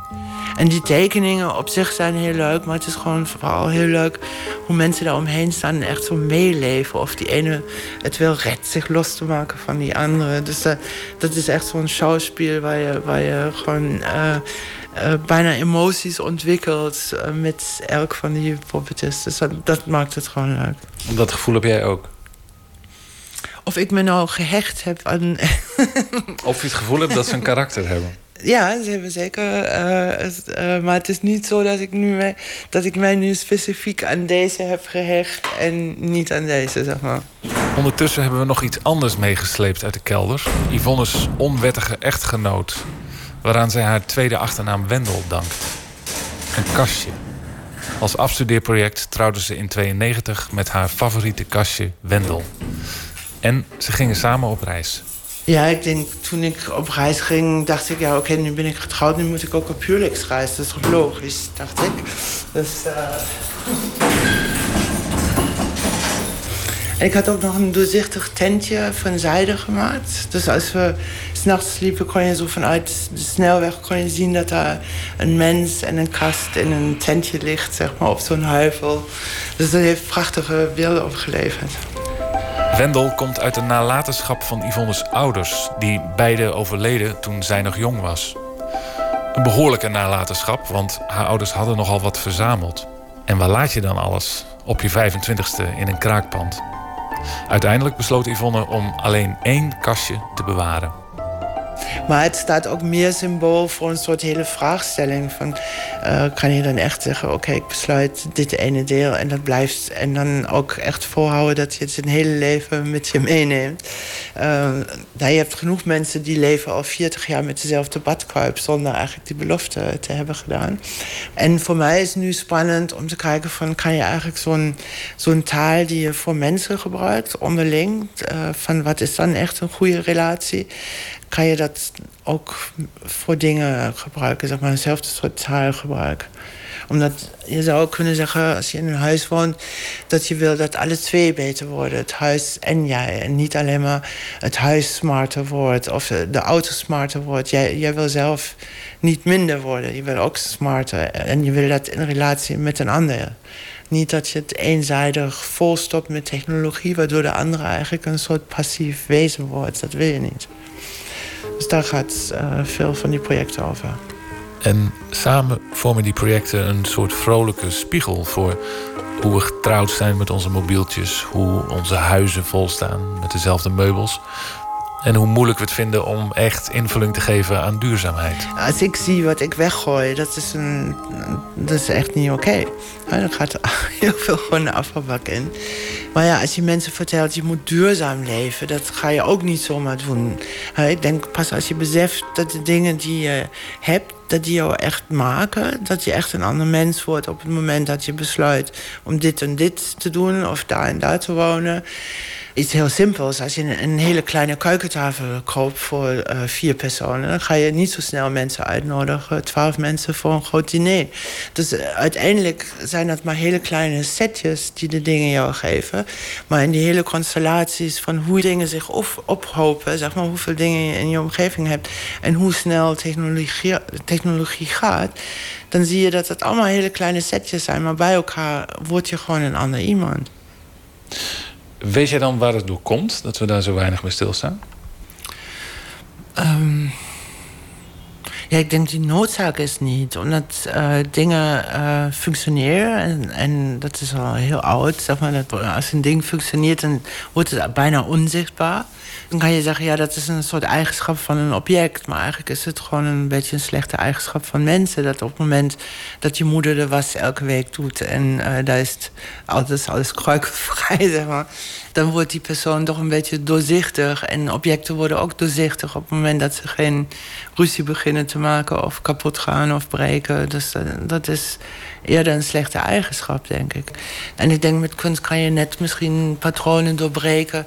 waardoor je merkt dat het uh, gewoon waanzinnig leuk is... om met een zwarte bal door de stad te lopen. Dus, en dat je dan opeens merkt dat alle straten te klein zijn. Dat heel veel mensen moeten meehelpen om überhaupt door zo'n steegje doorheen... of een brug overheen. En dan kan zo'n object binnen een aantal minuten... eigenlijk iets naar boven halen wat, wat je nooit zou kunnen verwachten. Volgens mij werkt dat juist omdat we allemaal een beetje zat zijn dat alle objecten een, uh, heel functioneel en, en commercieel uh, werkend moeten zijn. Mm. En de vraag is, hoe kom je eruit? En met die vraag zijn we meteen bij Yvonne's jongste project, de Denktank. Een afgesloten ruimte, een soort ronde designbunker. Bijna een soort onderzeer, wat je zo'n onbepaalde grote massa waar je eigenlijk niet weet of dat safe is of niet om daarin te duiken. Daarin verschillende objecten, installaties of beelden daarvan die de denkers onder ons weer kunnen inspireren.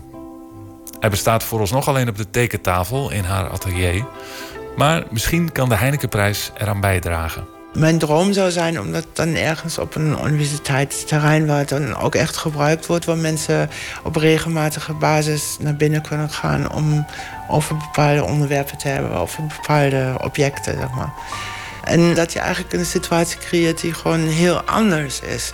En ook een soort openheid om de refresh button te triggeren en te zeggen: Nou, oké, okay, uh, we proberen gewoon uh, tot andere oplossingen te komen.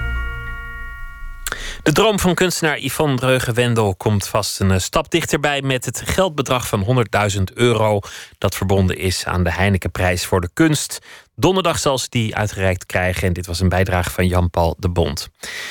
Zometeen is hier eh, te gast in onze rubriek Open Kaart zanger van de Neder R&B Brace. En eh, we gaan luisteren naar een van zijn stukken, Flink zijn.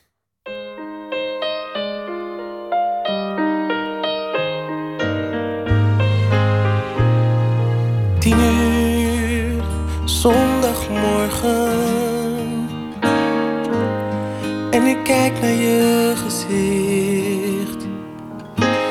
Nog lig je naast me. En je ogen zijn nog dicht. Na vandaag zul jij niet meer bij me zijn. Er is iemand waar je meer om geeft. Het kan gebeuren, flink zijn, flink zijn.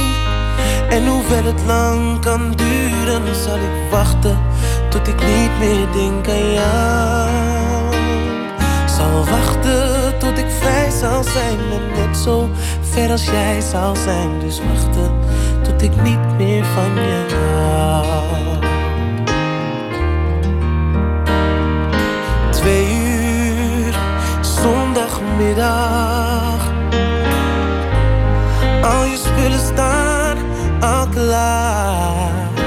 Koffers en wat dozen. Ik kijk er af en toe eens naar. Ik voel me kloterig, maar ik zeg het niet. Het doet me pijn, maar je ziet dat ik het begin te leren. Flink zijn, zijn. En hoewel het lang kan duren, zal ik wachten tot ik niet meer denk aan jou. Zal wachten tot ik vrij zal zijn en net zo ver als jij zal zijn. Dus wachten tot ik niet meer van je hou.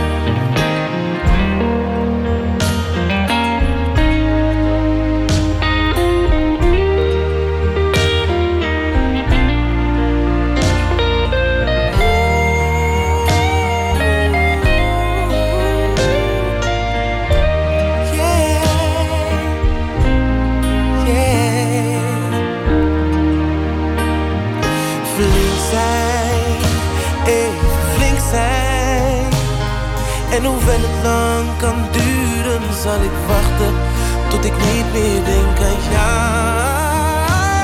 Zal wachten tot ik vrij zal zijn en net zo ver als jij zal zijn. Dus wachten tot ik niet meer van je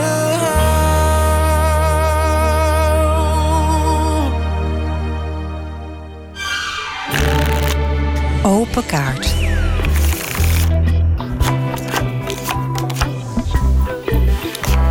En tegenover mij eh, zit hij. Het, eh, we hoorden net al zijn nummer flink zijn. En hier is eh, Brace, Nederlandse RB-zanger. En eh, hij is bezig met een theatertournee. Hij is al eh, begonnen met de try-outs. En daarin eh, zingt hij, maar vertelt hij ook iets over zijn eh, carrière. Over de hoogtepunten, de dieptepunten en de wederopstanding. Welkom, eh, Brace. Hartstikke bedankt. Ik eh, voel me vereerd dat ik hier mag zijn. En het is ook, ook een, een eer om jou te ontvangen. En het is ook eh, go- goed om te zien dat je, eh, dat je er weer staat. En dat, dat je weer in de lift zit en dat alles weer loopt. Want dat is ook wel een tijdje anders geweest. Ja, zeker. Ik heb, eh, ik heb in het leven heb ik eh, best wel in mijn jonge jaren best wel veel dingen meegemaakt. Veel keuzes gemaakt die niet altijd eh, even positief zijn geweest. En, en wat ik het mooiste vind van, van, van mijn leven is dat ik eigenlijk op zo'n jonge leeftijd um, fout heb gemaakt, maar ook heb kunnen herpakken. En, en van het negatieve het positieve kunnen maken. Dat is, dat is iets bijzonders. Want het is toch best on-Hollands om, om, om een tweede kans te krijgen. En vooral in de muziek waar ik in zit. En eh, ik heb er hard voor gestreden. Ik heb ervoor gevochten. En eh, ik heb het met een goed hart gedaan. Dus eh, Want even leek het alsof, het gewoon voorbij was. Je, je had succes. Ja. Ding, dingen gingen goed. En toen was het ineens voorbij. En, en nou ja, gebeurde er ook allerlei narigheid in je bestaan. klopt. Ik, heb, eh, ik, eh, ik ben sinds mijn zeventiende eh, ben ik een soort van, ja, ik noem het eh, succesvol. En dat is mij natuurlijk op 17-jarige leeftijd is het me heel erg naar mijn hoofd gaan stijgen. Omdat ik, eh, ehm, ik kom uit Amsterdam Oost. Ik, had, ik, ging wel, ik had scholing, ik ging wel naar school, maar het was heel moeilijk voor mij om, ja, om het draai te vinden in de maatschappij. Ehm, ik had een talent, ik kon zingen. En opeens werd ik heel erg bekend. Eh, ik kwam op de tv en eh, het ging heel snel voor mij allemaal. Ik verdiende opeens heel veel geld. En eh, dat, werd me, dat werd me voor 17-jarige jongen werd het me best wel... Ja, het kwam me hoog te zitten, omdat, het, omdat ik stoer ging doen. Ik wou, ik wou laten zien wie ik was. Ik wou de wereld eigenlijk een soort van veroveren. Hè. Dat, dat mannetjes, dat haantjesgedrag had ik heel erg. En ja, dat, dat, heeft, dat heeft niet al te goed uitgepakt, nee. Want op een zeker ogenblik, is een- we hoeven niet helemaal op te raken misschien, maar ja, het, het hoort bij je biografie en bij Ja, je verhaal. Klopt. Eh, was het een klassiek geval van verkeerde plaats, v- verkeerde tijd. En, toen ben je in de baaiers terechtgekomen. Ja, dat is wel heel makkelijk natuurlijk om te zeggen... verkeerde plaats, verkeerde tijd. Ik kan iedereen de schuld geven, maar het was eh, eigenlijk mijn eigen schuld. Ik, heb, eh, ik ben met een vriend van me meegegaan, die had een probleem met de jongen... en eh, daar heb ik mij mee bemoeid en dat had ik niet moeten doen. Hij ging iets, eh, iets regelen. Er, er, waren schulden, geloof ik. En dat, eh, nou ja, het OM oordeelde uiteindelijk: dit is eh, ontvoering of Ja. vrijheidsberoving, of, of ik weet niet wat de formele term is. Klopt, het is natuurlijk wel... Het, het klinkt heel erg en het, het is allemaal... Het is allemaal wel... Die jongen heeft in de auto gezeten, heeft zich niet prettig gevoeld. En, en, en dat kan ik me voorstellen. En dat is niet leuk. En ik, heb, ik heb daarin een heel grote fout gemaakt. Ik, ik heb hem niet, niet echt eh, eh, eh, iets aangedaan. Maar ik vind het wel erg als iemand in de auto, daar heb ik wel spijt van. Dat ik hem een gevoel heb gegeven dat hij niet eh, eh, hè, zijn eigen weg kan gaan en niet zijn plek kan vinden. En dat, ja, dat is gewoon, op, dat is gewoon heel stom. Je, hebt, je hebt je straf gekregen en toen ja, kwam op een gegeven moment toch die gedachte van ja, er was een muzikale carrière. Klopt. Wa- Wat was het moment dat, dat, dat het weer eh, omhoog ging? Hoe, hoe is dat gegaan? Nou, ik ben, eh, ik ben, op de duur ben ik vrijgekomen. Eh, moest ik weer helemaal opnieuw beginnen. Ik had geen baan, ik had geen ervaring. In, werkervaring had ik niet. Ik heb hier grappig genoeg nog beneden gewerkt als sprinklermonteur. Dus al die brandbeveiliging. eh, Hier in, in dit prachtige in gebouw. dit prachtige gebouw heb ik keihard lopen zwoegen om, om de brandbeveiliging aan te leggen. En daarvoor heb ik eigenlijk mijn leven kunnen opbouwen... omdat ik een vast salaris kreeg. En dat heb ik nooit ervaren. Ik heb nog nooit echt gezegd... eh, sinds mijn zeventiende ik heb- muziek gemaakt... maar dan was ik een, eh, een BV. En dan verdien je deze maand... Verdien je de eerste maand verdien je heel veel... en de volgende maand gaat het wat minder. Maar dit was voor mijn vastigheid, voor mijn gezin en mijn kind. En eh, dat voelde zo fijn. Ik voelde me een, ja, een echte man.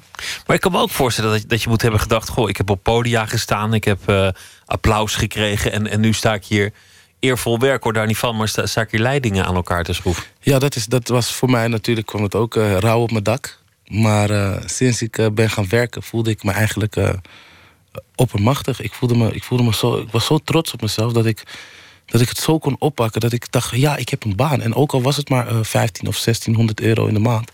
Ik had een baan waar ik elke dag vrolijk naartoe kon gaan. En waar ik mijn positieve vibe weer kon oppakken. Ik heb dat niet meegekregen in mijn jeugd. Om eh, een bijbaantje te hebben bij de Dirk 3. Of, eh, of eh, lekker bij de McDonald's te gaan werken om je centjes te verdienen. Dat moest ik op mijn 28ste eh, allemaal gaan doen. En het was, ja, het was natuurlijk heel, heel erg confronterend. Maar het is eigenlijk ook het mooiste wat ik in mijn leven heb meegemaakt. Om weer lekker down to earth te zijn. Om eigenlijk, simpel gezegd, ehm, gewoon het huisje, boompje, beestje goed te kunnen verzorgen. Met, met het minimumloon die je hebt. En dan zie je dat je ook heel gelukkig kan zijn. Eigenlijk nog gelukkiger dan die jongen die ik, die ik was toen ik 17 was. En, en dacht dat ik de hele stoere jongen was eigenlijk. Toen je jezelf overschreeuwde. Laten we beginnen met de kaarten. Hier Ja. zijn ze. Trek ergens een kaart eh, halverwege of zo. En eh, ik ben benieuwd welke vraag erop staat.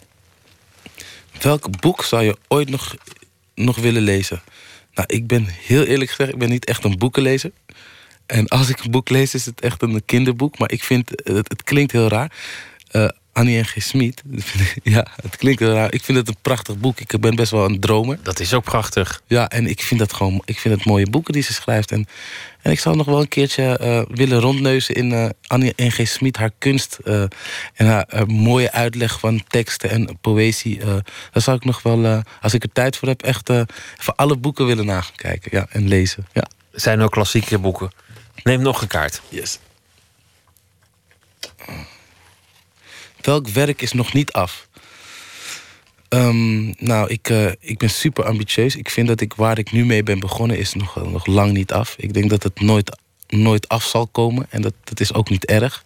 Ik hoop het over te dragen aan mijn kinderen of aan andere mensen die ik kan inspireren. Ik denk dat werk eh, voor altijd is. Ik denk dat er altijd werk aan de winkel is. En zo wil ik ook leven. En zo wil ik ook eh, uiteindelijk eh, mijn loodjes leggen. Dat ik gewoon keihard heb gewerkt. En hoeft niet. eh, tuurlijk heb je een doel. Maar het hoeft niet altijd. je bent niet altijd succesvol als iets af is. En, en, en daar wil ik me niet op, op vast. Want je zei net dat je zo gelukkig was toen je gewoon een baan had. Waar, waar je s ochtends je moest melden en s'avonds avonds vandaan kwam. Ja. Dat is nu natuurlijk weer heel anders. Ja, dat is Nu je weer de anders. muziek in bent. Ja, zeker. Want eh, natuurlijk verdien ik nu gewoon mijn geld weer met muziek. En, eh, en het is ook leuk. Maar ik heb gemerkt, ook al zou ik geen geld krijgen voor wat ik doe, zou ik het nog steeds doen. Dus dan ben ik intens gelukkig met wat ik doe. En het, ik kan nu mijn huur erbij betalen en, eh, en mijn kind en mijn vrouw verzorgen. Maar dat betekent niet als ik er geen. Ik zou nog sprinklermonteur zijn, zou ik nog steeds willen zingen. En dan zou ik nog steeds in, in een buurtenhuis eh, optreden. Dus dan zie ik dat ik een gezegend persoon ben en dat ik het mag doen. Ja, het is mooi. Trek toch een kaart als je Ja. Even kijken. Wat is deze? Wie neem je niet serieus? Nou, dat is, eh, ik neem eigenlijk iedereen serieus. Omdat ik... eh, onderschatten vind ik het meest gevaarlijke ding dat er is in de wereld. En eh, ik neem soms mezelf... Ik denk eerder mezelf soms niet serieus. Omdat ik een... eh, ik ben echt een dromer. Ik hou ervan om te fantaseren over eh, de grootste dingen. Hè, op een groot podium. Dat ik een keer een, show zou mogen geven in, eh, in de Ahoy. En ja, dat neem ik af en toe ook niet echt serieus. Omdat ik... eh, dromen is soms lekker. Soms onrealistische dingen, dromen zijn lekker. En als ze dan uitkomen, ja, dan, dan voelt je leven een sprookje. En dat is, eh, dat is mooi. Trek er nog één. Is je carrière gelopen zoals je had gedacht? Nee, volgens mij niet, Die hè? het is Nee. heel, dat vind ik echt een mooie kaart. Ik ben blij dat ik deze heb getrokken. Nou, het is... eh, nou, ik, ik, ik, zou, ik heb dit nooit mogen dromen en ook, dus ook, ook nooit mogen denken. Want dit is, dit is zoiets moois dat ik... eh, ik vind het ook mooi dat ik tegenslagen heb meegemaakt. Omdat het, het ma- het maakt mij wie ik nu ben. En ehm, ja, ik heb nooit gedacht dat het deze kant op zou gaan. Ik zou nooit kunnen bedenken dat ik ooit in een theater zou staan om mijn verhaal te doen. Voor zoveel mensen eh, hè, eh, mijn verhaal te vertellen en, en intens eh, mijn verdriet te tonen over mijn vaders overlijden. Over de tijd in de gevangenis. eh, over de tijd van Moppie. En ik ben je zat met Lange Frans en Baas B en Ali B. Dat zijn de dingen, dat als ik ze terugvertel, dan, dan voel ik een soort van, ja, een soort van ongeloof bij mezelf. Van hoe, hoe heb ik dit allemaal mee mogen maken en kunnen maken? En Maar het had ook anders kunnen lopen. Want bij veel mensen is de gevangenis juist een opmaat voor een hele andere carrière. Ja, die, die, eh, die, die leren daar het vak van inbreker echt tot in de puntjes. je hebt genoeg en tijd nemen die wending. Ja. Dat is waar, maar ik heb een eh, prachtige vrouw die me ten alle tijde heeft gesteund. En, ehm, Die had dat- je toen ook al. Eh, nou, die ben ik eigenlijk. Ik, ik kende haar heel goed. Dat was een vriendin. Die heeft mij een prachtige brief gestuurd in de gevangenis. Om mij eh, eh, te motiveren. Om te laten zien dat, ik een, dat zij in mij vertrouwt. En dat ze weet dat ik een goed hart heb.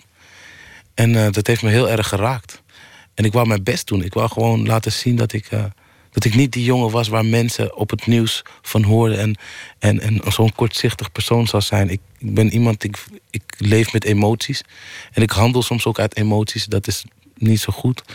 Maar als je het positief benadert, dan is het wel mooi. Weet je. Ik vind het mooi om, eh, om een gevoelsmens te zijn. En ehm, mijn vrouw, of eh, ja, mijn vriendin, ik wil, bijna, ik wil heel snel gaan trouwen. Het is nog niet mijn vrouw, maar mijn vriendin. Die, eh, die heeft mij daar doorheen getrokken. Die heeft mij laten zien dat ik, ja, dat ik veel meer eh, kan dan dat ik eigenlijk denk. En, eh, en, en dat vind ik bijzonder. En je was ook geraakt doordat ze je niet de rug toekeerden. Ja, dat vond ik ook heel mooi. Weet je, alle mensen waren heel negatief, logisch. Omdat er, eh, omdat er ja, heel veel negatief nieuws over mij eh, ehm, uit is gekomen. En mijn vrouw, ehm, die is eigenlijk, die heeft zich daar niks van aangetrokken. Die wist wie ik was. Ze dacht, het is mijn maatje. En, en daar, moet ik, daar wil ik voor klaarstaan. En die wil ik helpen in een moeilijke tijd. En dat heeft ze gedaan. En dat heeft ze heel goed gedaan ook. Maar toen was het toch niet je vriendin? Wanneer, wanneer kwam dat moment? Dan was het zodra je werd vrijgelaten of, of begon het in de gevangenis Ja, al te broeien? Het, het begon al te broeien in de gevangenis. Maar er zit er glas tussen, toch? Of is dat alleen in films? Ja, nou ja, je hebt, eh, ik, ik zat toen al in een half open kamp. En dan, heb je, dan kan je gewoon lekker aan een tafel zitten en een beetje bespreken. En, eh, en, en, eh, en ik belde haar ook elke keer als ik mocht bellen. Kon ik even, even haar stem horen. Even het gevoel krijgen van: hé, hey, hoe, hoe, weet je, als ik buiten ben, wat, zou ik heel graag willen? Ik had heel veel tijd om na te denken om iets positiefs op te kunnen pakken. Want ik had allerlei, dromen natuurlijk, want ik zit vast. En, en, en het negatieve, eh, je bent- omsingeld door negativiteit. En dat lichte, klein lichtpuntje van, van positiviteit, daar, daar probeer je dan aan vast te houden. En dat is me gelukkig heel erg goed gelukt. En het heeft me ook echt. eh, ja, ik, ik heb er heel veel van geleerd. Al klinkt het heel raar, maar ik heb er best wel veel van geleerd. Ja. Ik wil je ook vragen, omdat je ook, ook gaat zingen natuurlijk in de, de, de, de voorstelling. Ja. eh, om eh, een liedje te zingen hier in de studio met een, eh, met een band. Want na de, de vrijlating kwam je terecht in The Voice of Holland. En een eh, van de mensen die daar natuurlijk ook in te zien was, was eh, Marco Borsato. Voor, Ja. wie, voor wie dit een grote hit is eh, eh, geweest. Ja. Margarita. Wauw.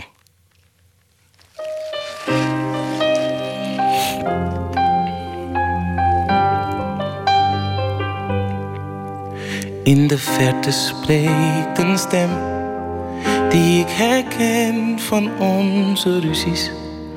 Over kleine misverstanden, over grote desillusies. En ik hoor de kille klanken van jouw ingehouden woede. Maar wat kan ik meer dan janken? Als ik dit niet kon vermoeden. Deze kilte maakt me gek. En dit gevoel is angstaanjagend. Maar je woorden malen verder. En je ogen kijken vragend. Waarom zei je mij niet eerder dat je zo van me vervreemd was? Waarom sprak je over liefde als je nooit van mij gehouden hebt? Ik verlies het van de wanhoop en ik voel me tranen branden. En ik zou niets liever willen dan mijn hoofd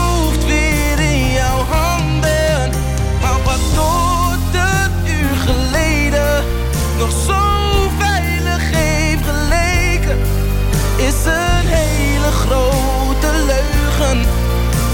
En een kaartenhuis gebleken.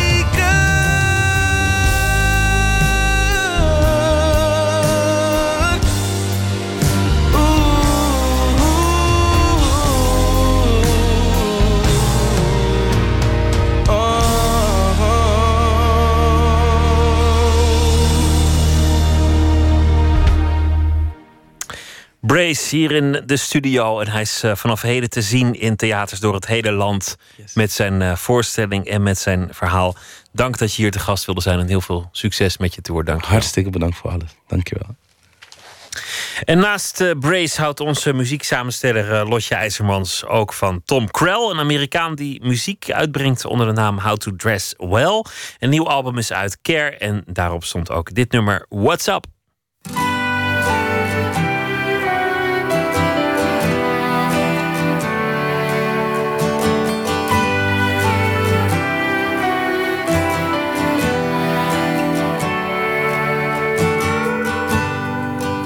Got nothing, freewheeling and free falling, you go. When you got nothing, you got something to prove. Then you get something, something that you've always dreamed about. When you got something, you got something to lose. They take everything. They take your spark, they take everything. They break your heart, they'll take everything. Oh, cause nothing's ever something until you lose everything.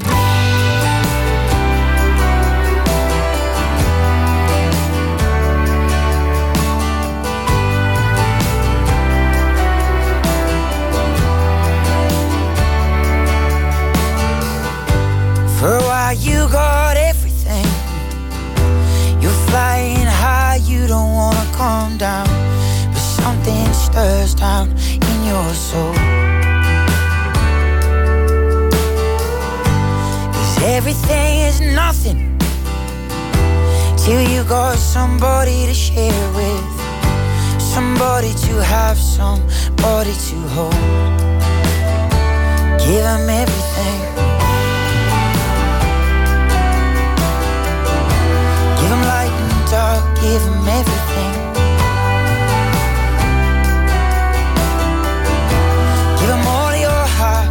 Give them everything. Yeah, cause nothing's ever something until you give everything.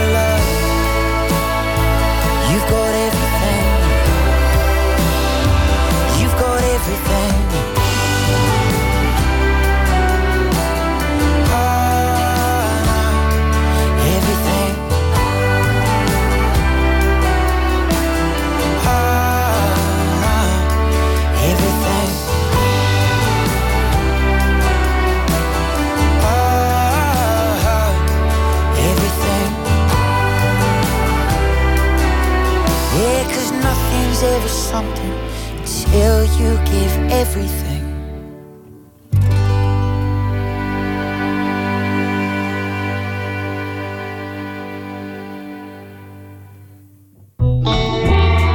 Nooit meer slapen. Dit jaar zou Marilyn Monroe 90 jaar oud zijn geworden. En eh, daarom opent komend weekende een grote expositie over het fenomeen Monroe in de Nieuwe Kerk in Amsterdam. Schrijver Guus Luiters zag zijn eerste Marilyn Monroe film toen hij negen was. En vanaf dat moment wist hij het zeker. Deze week vertelt Guus Luiters over zijn fascinatie voor Marilyn Monroe. Aflevering 2, haar eerste echte grote film. Nou, wat ik dus echt de eerste keer vind dat ze echt in volle glorie, helemaal super, alles goed met een goede film en een eh, goede regisseur, dat is There's No Business Like. eh, nee, A Gentleman Prefer, prefer Blondes. We're just two little girls from Little Rock.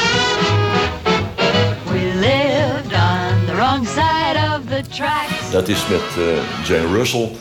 En dat is eh, naar een boekje van eh, Anita Loos. Een heel dun boekje is dat. En eh, daar heeft Anita Loos zelf een toneelstuk van gemaakt. En een heel succesvol toneelstuk. Een leuke vrouw, Anita Loos. Die maakte ook hele...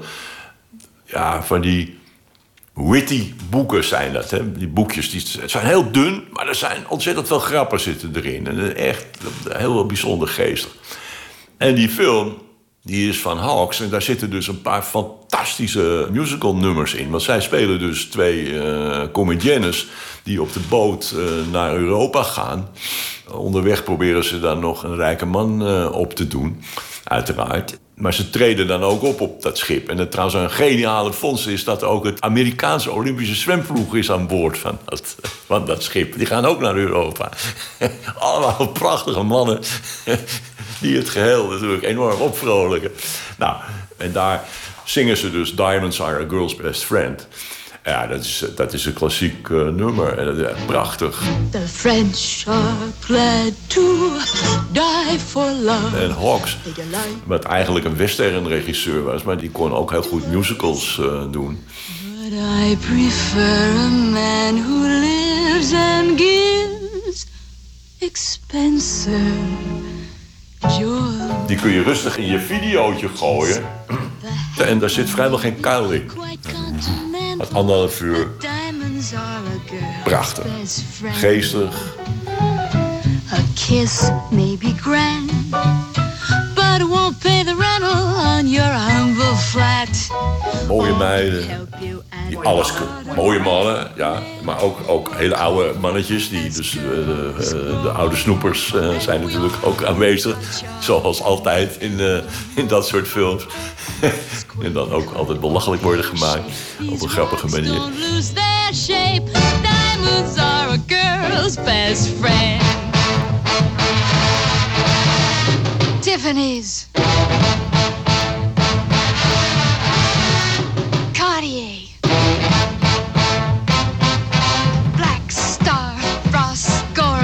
To me, Harry Winston. Tell me all about it. Die film is uit 19, weet ik veel, 52 of zo. eh, eh, 53. Ja, en, dat- en dat staat recht overeind. Dat is gewoon eh, helemaal goed. Dat is de eerste film die ik ook toen in de bioscoop gezien heb. Was ik negen jaar.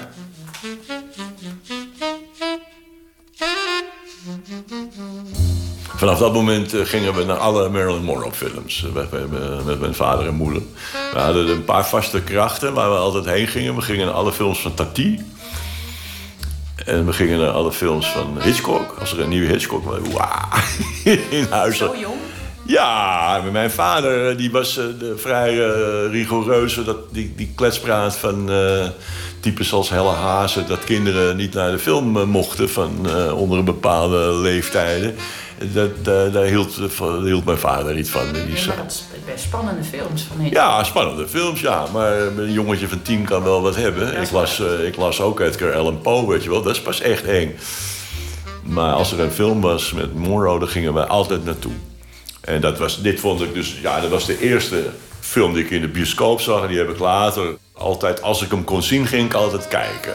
Dus als we in Parijs waren, dan eh, ging wel meteen, weet je wel, dat gidsje af, die pariscoop. En dan, eh, ja, dat is nu niet meer.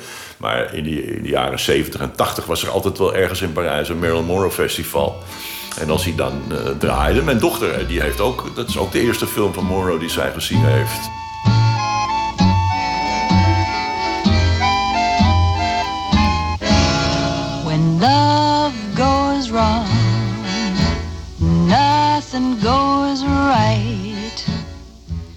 Toen, die meiden, die waren toen helemaal gek en die zijn toen een, een fan-magazine gaan maken. En eh, eh, verkochten ze in Amsterdam eh, bij de Atheneum en, en de Sine Qua Non en weet ik veel wat. En ze hadden abonnees, Jan Kramer was abonnee, Jan Wolkers was abonnee. En ja, jongen, het was een hele business was dat. Dat was niet zomaar een Het was een prachtmagazine, het Miss Marilyn Monroe magazine.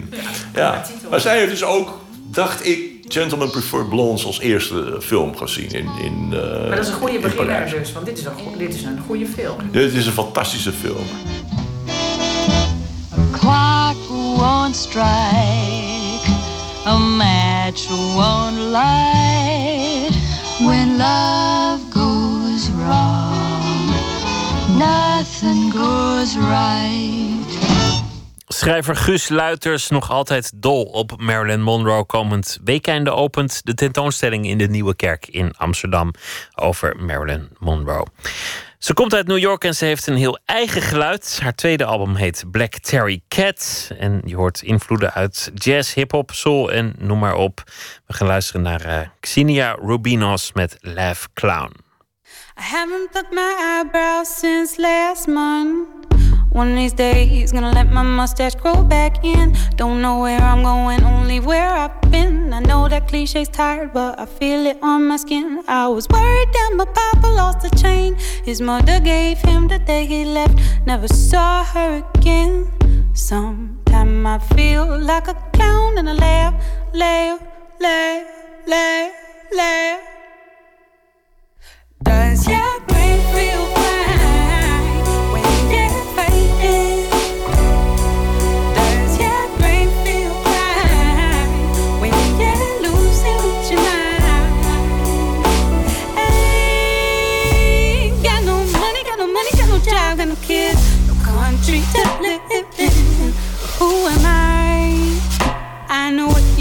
what am I? Well, sometimes I feel like a clown and I laugh and I laugh now laugh, clown, laughing. And sometimes I feel like a queen and I stand and I stand now I'm standing. Ooh, Does your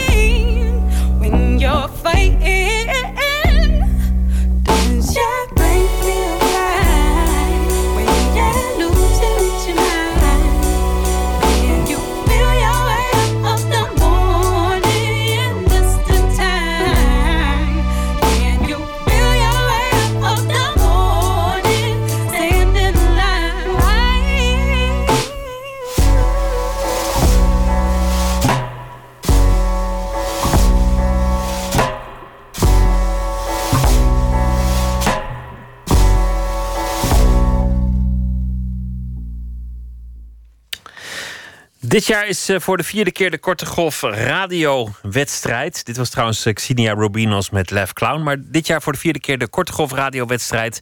Iedereen eh, mag iets indienen. Een radiodocumentaire hoorspel als het maar maximaal drie minuten duurt. En daarin moeten wel een aantal vaste ingrediënten voorkomen. Een afgeluisterd gesprek, een slaapliedje... en in de titel moet een kledingstuk worden genoemd. De jury, bestaande uit cabaretier Peter van der Witte, radiomaker Joris Vergeilen en onze eigen Esther Naomi Perquin, koos de beste vijf inzendingen. Elke nacht laten we er eentje van horen. En de aflevering van vandaag is Stilte Extremisten Sportsok Sancties van Bart Vermeulen. Kameraden, we hebben al veel voor elkaar gekregen.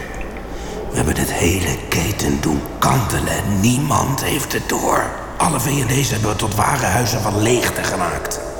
In die betonkolossenhuis niets dan stilte.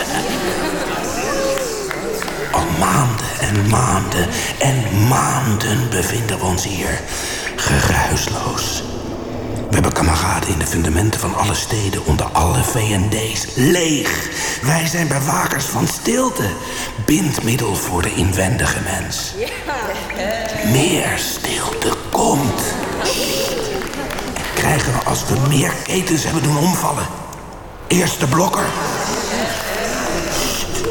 Dan de halfvoorts. En, de... en stilte zal radicaler gaan woekeren. Dreigender. Ik wens stilte zinloos en riskant als hoofdrekenende verkeersdeelnemers. Waarom dienen wij onze tongen terug in onze monden te zwijgen? Stilte. Om niet te vergeten hoeveel landschap er past in een mensfiguur. Oh, hou mijn mond. Ja, stilte. Dan vouwt mijn leven zich rond mijn hartstreek bijeen. Een brok in de keel is concreter dan baksteen, want dichterbij. Ja, ja, ik ben een humaan extremist. Ik heb geen kathedraal, maar sta op sokken, gewapend met humor en ademteugen. Ik zou je zomaar een hand kunnen geven. Ik ben eng. Misschien ken ik vegetariërs. Ik ben eng. Hoi, ik ben mens. Ik heb darmflora en een strottenhoofd en twee cruciale amygdala. Om de godsganse rimram aan elkaar geknoopt te krijgen. Oh, hou man!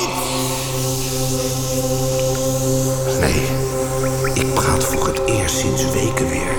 Hou mijn mond. Nee, de duivel zetelt niet tussen zijn horens, maar in al dat tongeklepper. Dat tongeklepper hierboven, buiten. Daar buiten lopen schapen. Daar buiten lopen schapen. Daar buiten lopen schapen. Daar Maar, eh, maar er is niemand die het weet. Nee, dan is het niet stil meer. Ja, Nee, niemand die dit weet. Maar de stilte, die woekert. Ben ik geradicaliseerd? Zeker. Maar anders dan die andere radicalen. Geen kip kent ons. Stilte. zeg, hier zitten we nou als voormalig V&D-top. Jij bent middenmanagement. Ja, Ik heb me helemaal te pletter gereorganiseerd. Dan weer zus, dan weer zo. Stilte wil ik nu. ik zit hier al maanden onder de grond en die stilte hangt me Geen vreselijk... kritische geluiden. Anders de sanctie. Er liggen nog wat kledingstukken hierboven. Maar Ik stop een knot sportsok in je mond om de stilte dieper je strot in te drukken.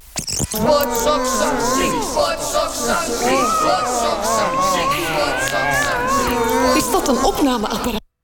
Stilte-extremisten sportsok-sancties van Bart Vermeulen. Een inzending bij de Korte Golf radiowedstrijd en een van de vijf genomineerden. Komende zondag wordt eh, de winnaar bekendgemaakt in Amsterdam tijdens een eh, feestelijke bijeenkomst in de Brakke Grond. En die feestelijke bijeenkomsten is het eh, audiofestival Oorzaken. Morgen in Nooit meer slapen komt vrouwtje Tuinman op bezoek. Zij eh, heeft al drie romans geschreven en vijf dichtbundels. En haar nieuwste roman heet Afscheidstournee. En het gaat over leven, dood, nalatenschap van de beroemde en de verguisde vioolvirtuoos Niccolo Paganini. En dat eh, allemaal morgen in Nooit meer slapen. Voor nu wens ik u een hele goede nacht en morgen een leuke dag. En zometeen op deze zender kunt u luisteren naar eh, Omroep WNL met Nog Steeds Wakker. Hele goede nacht en graag weer tot morgen.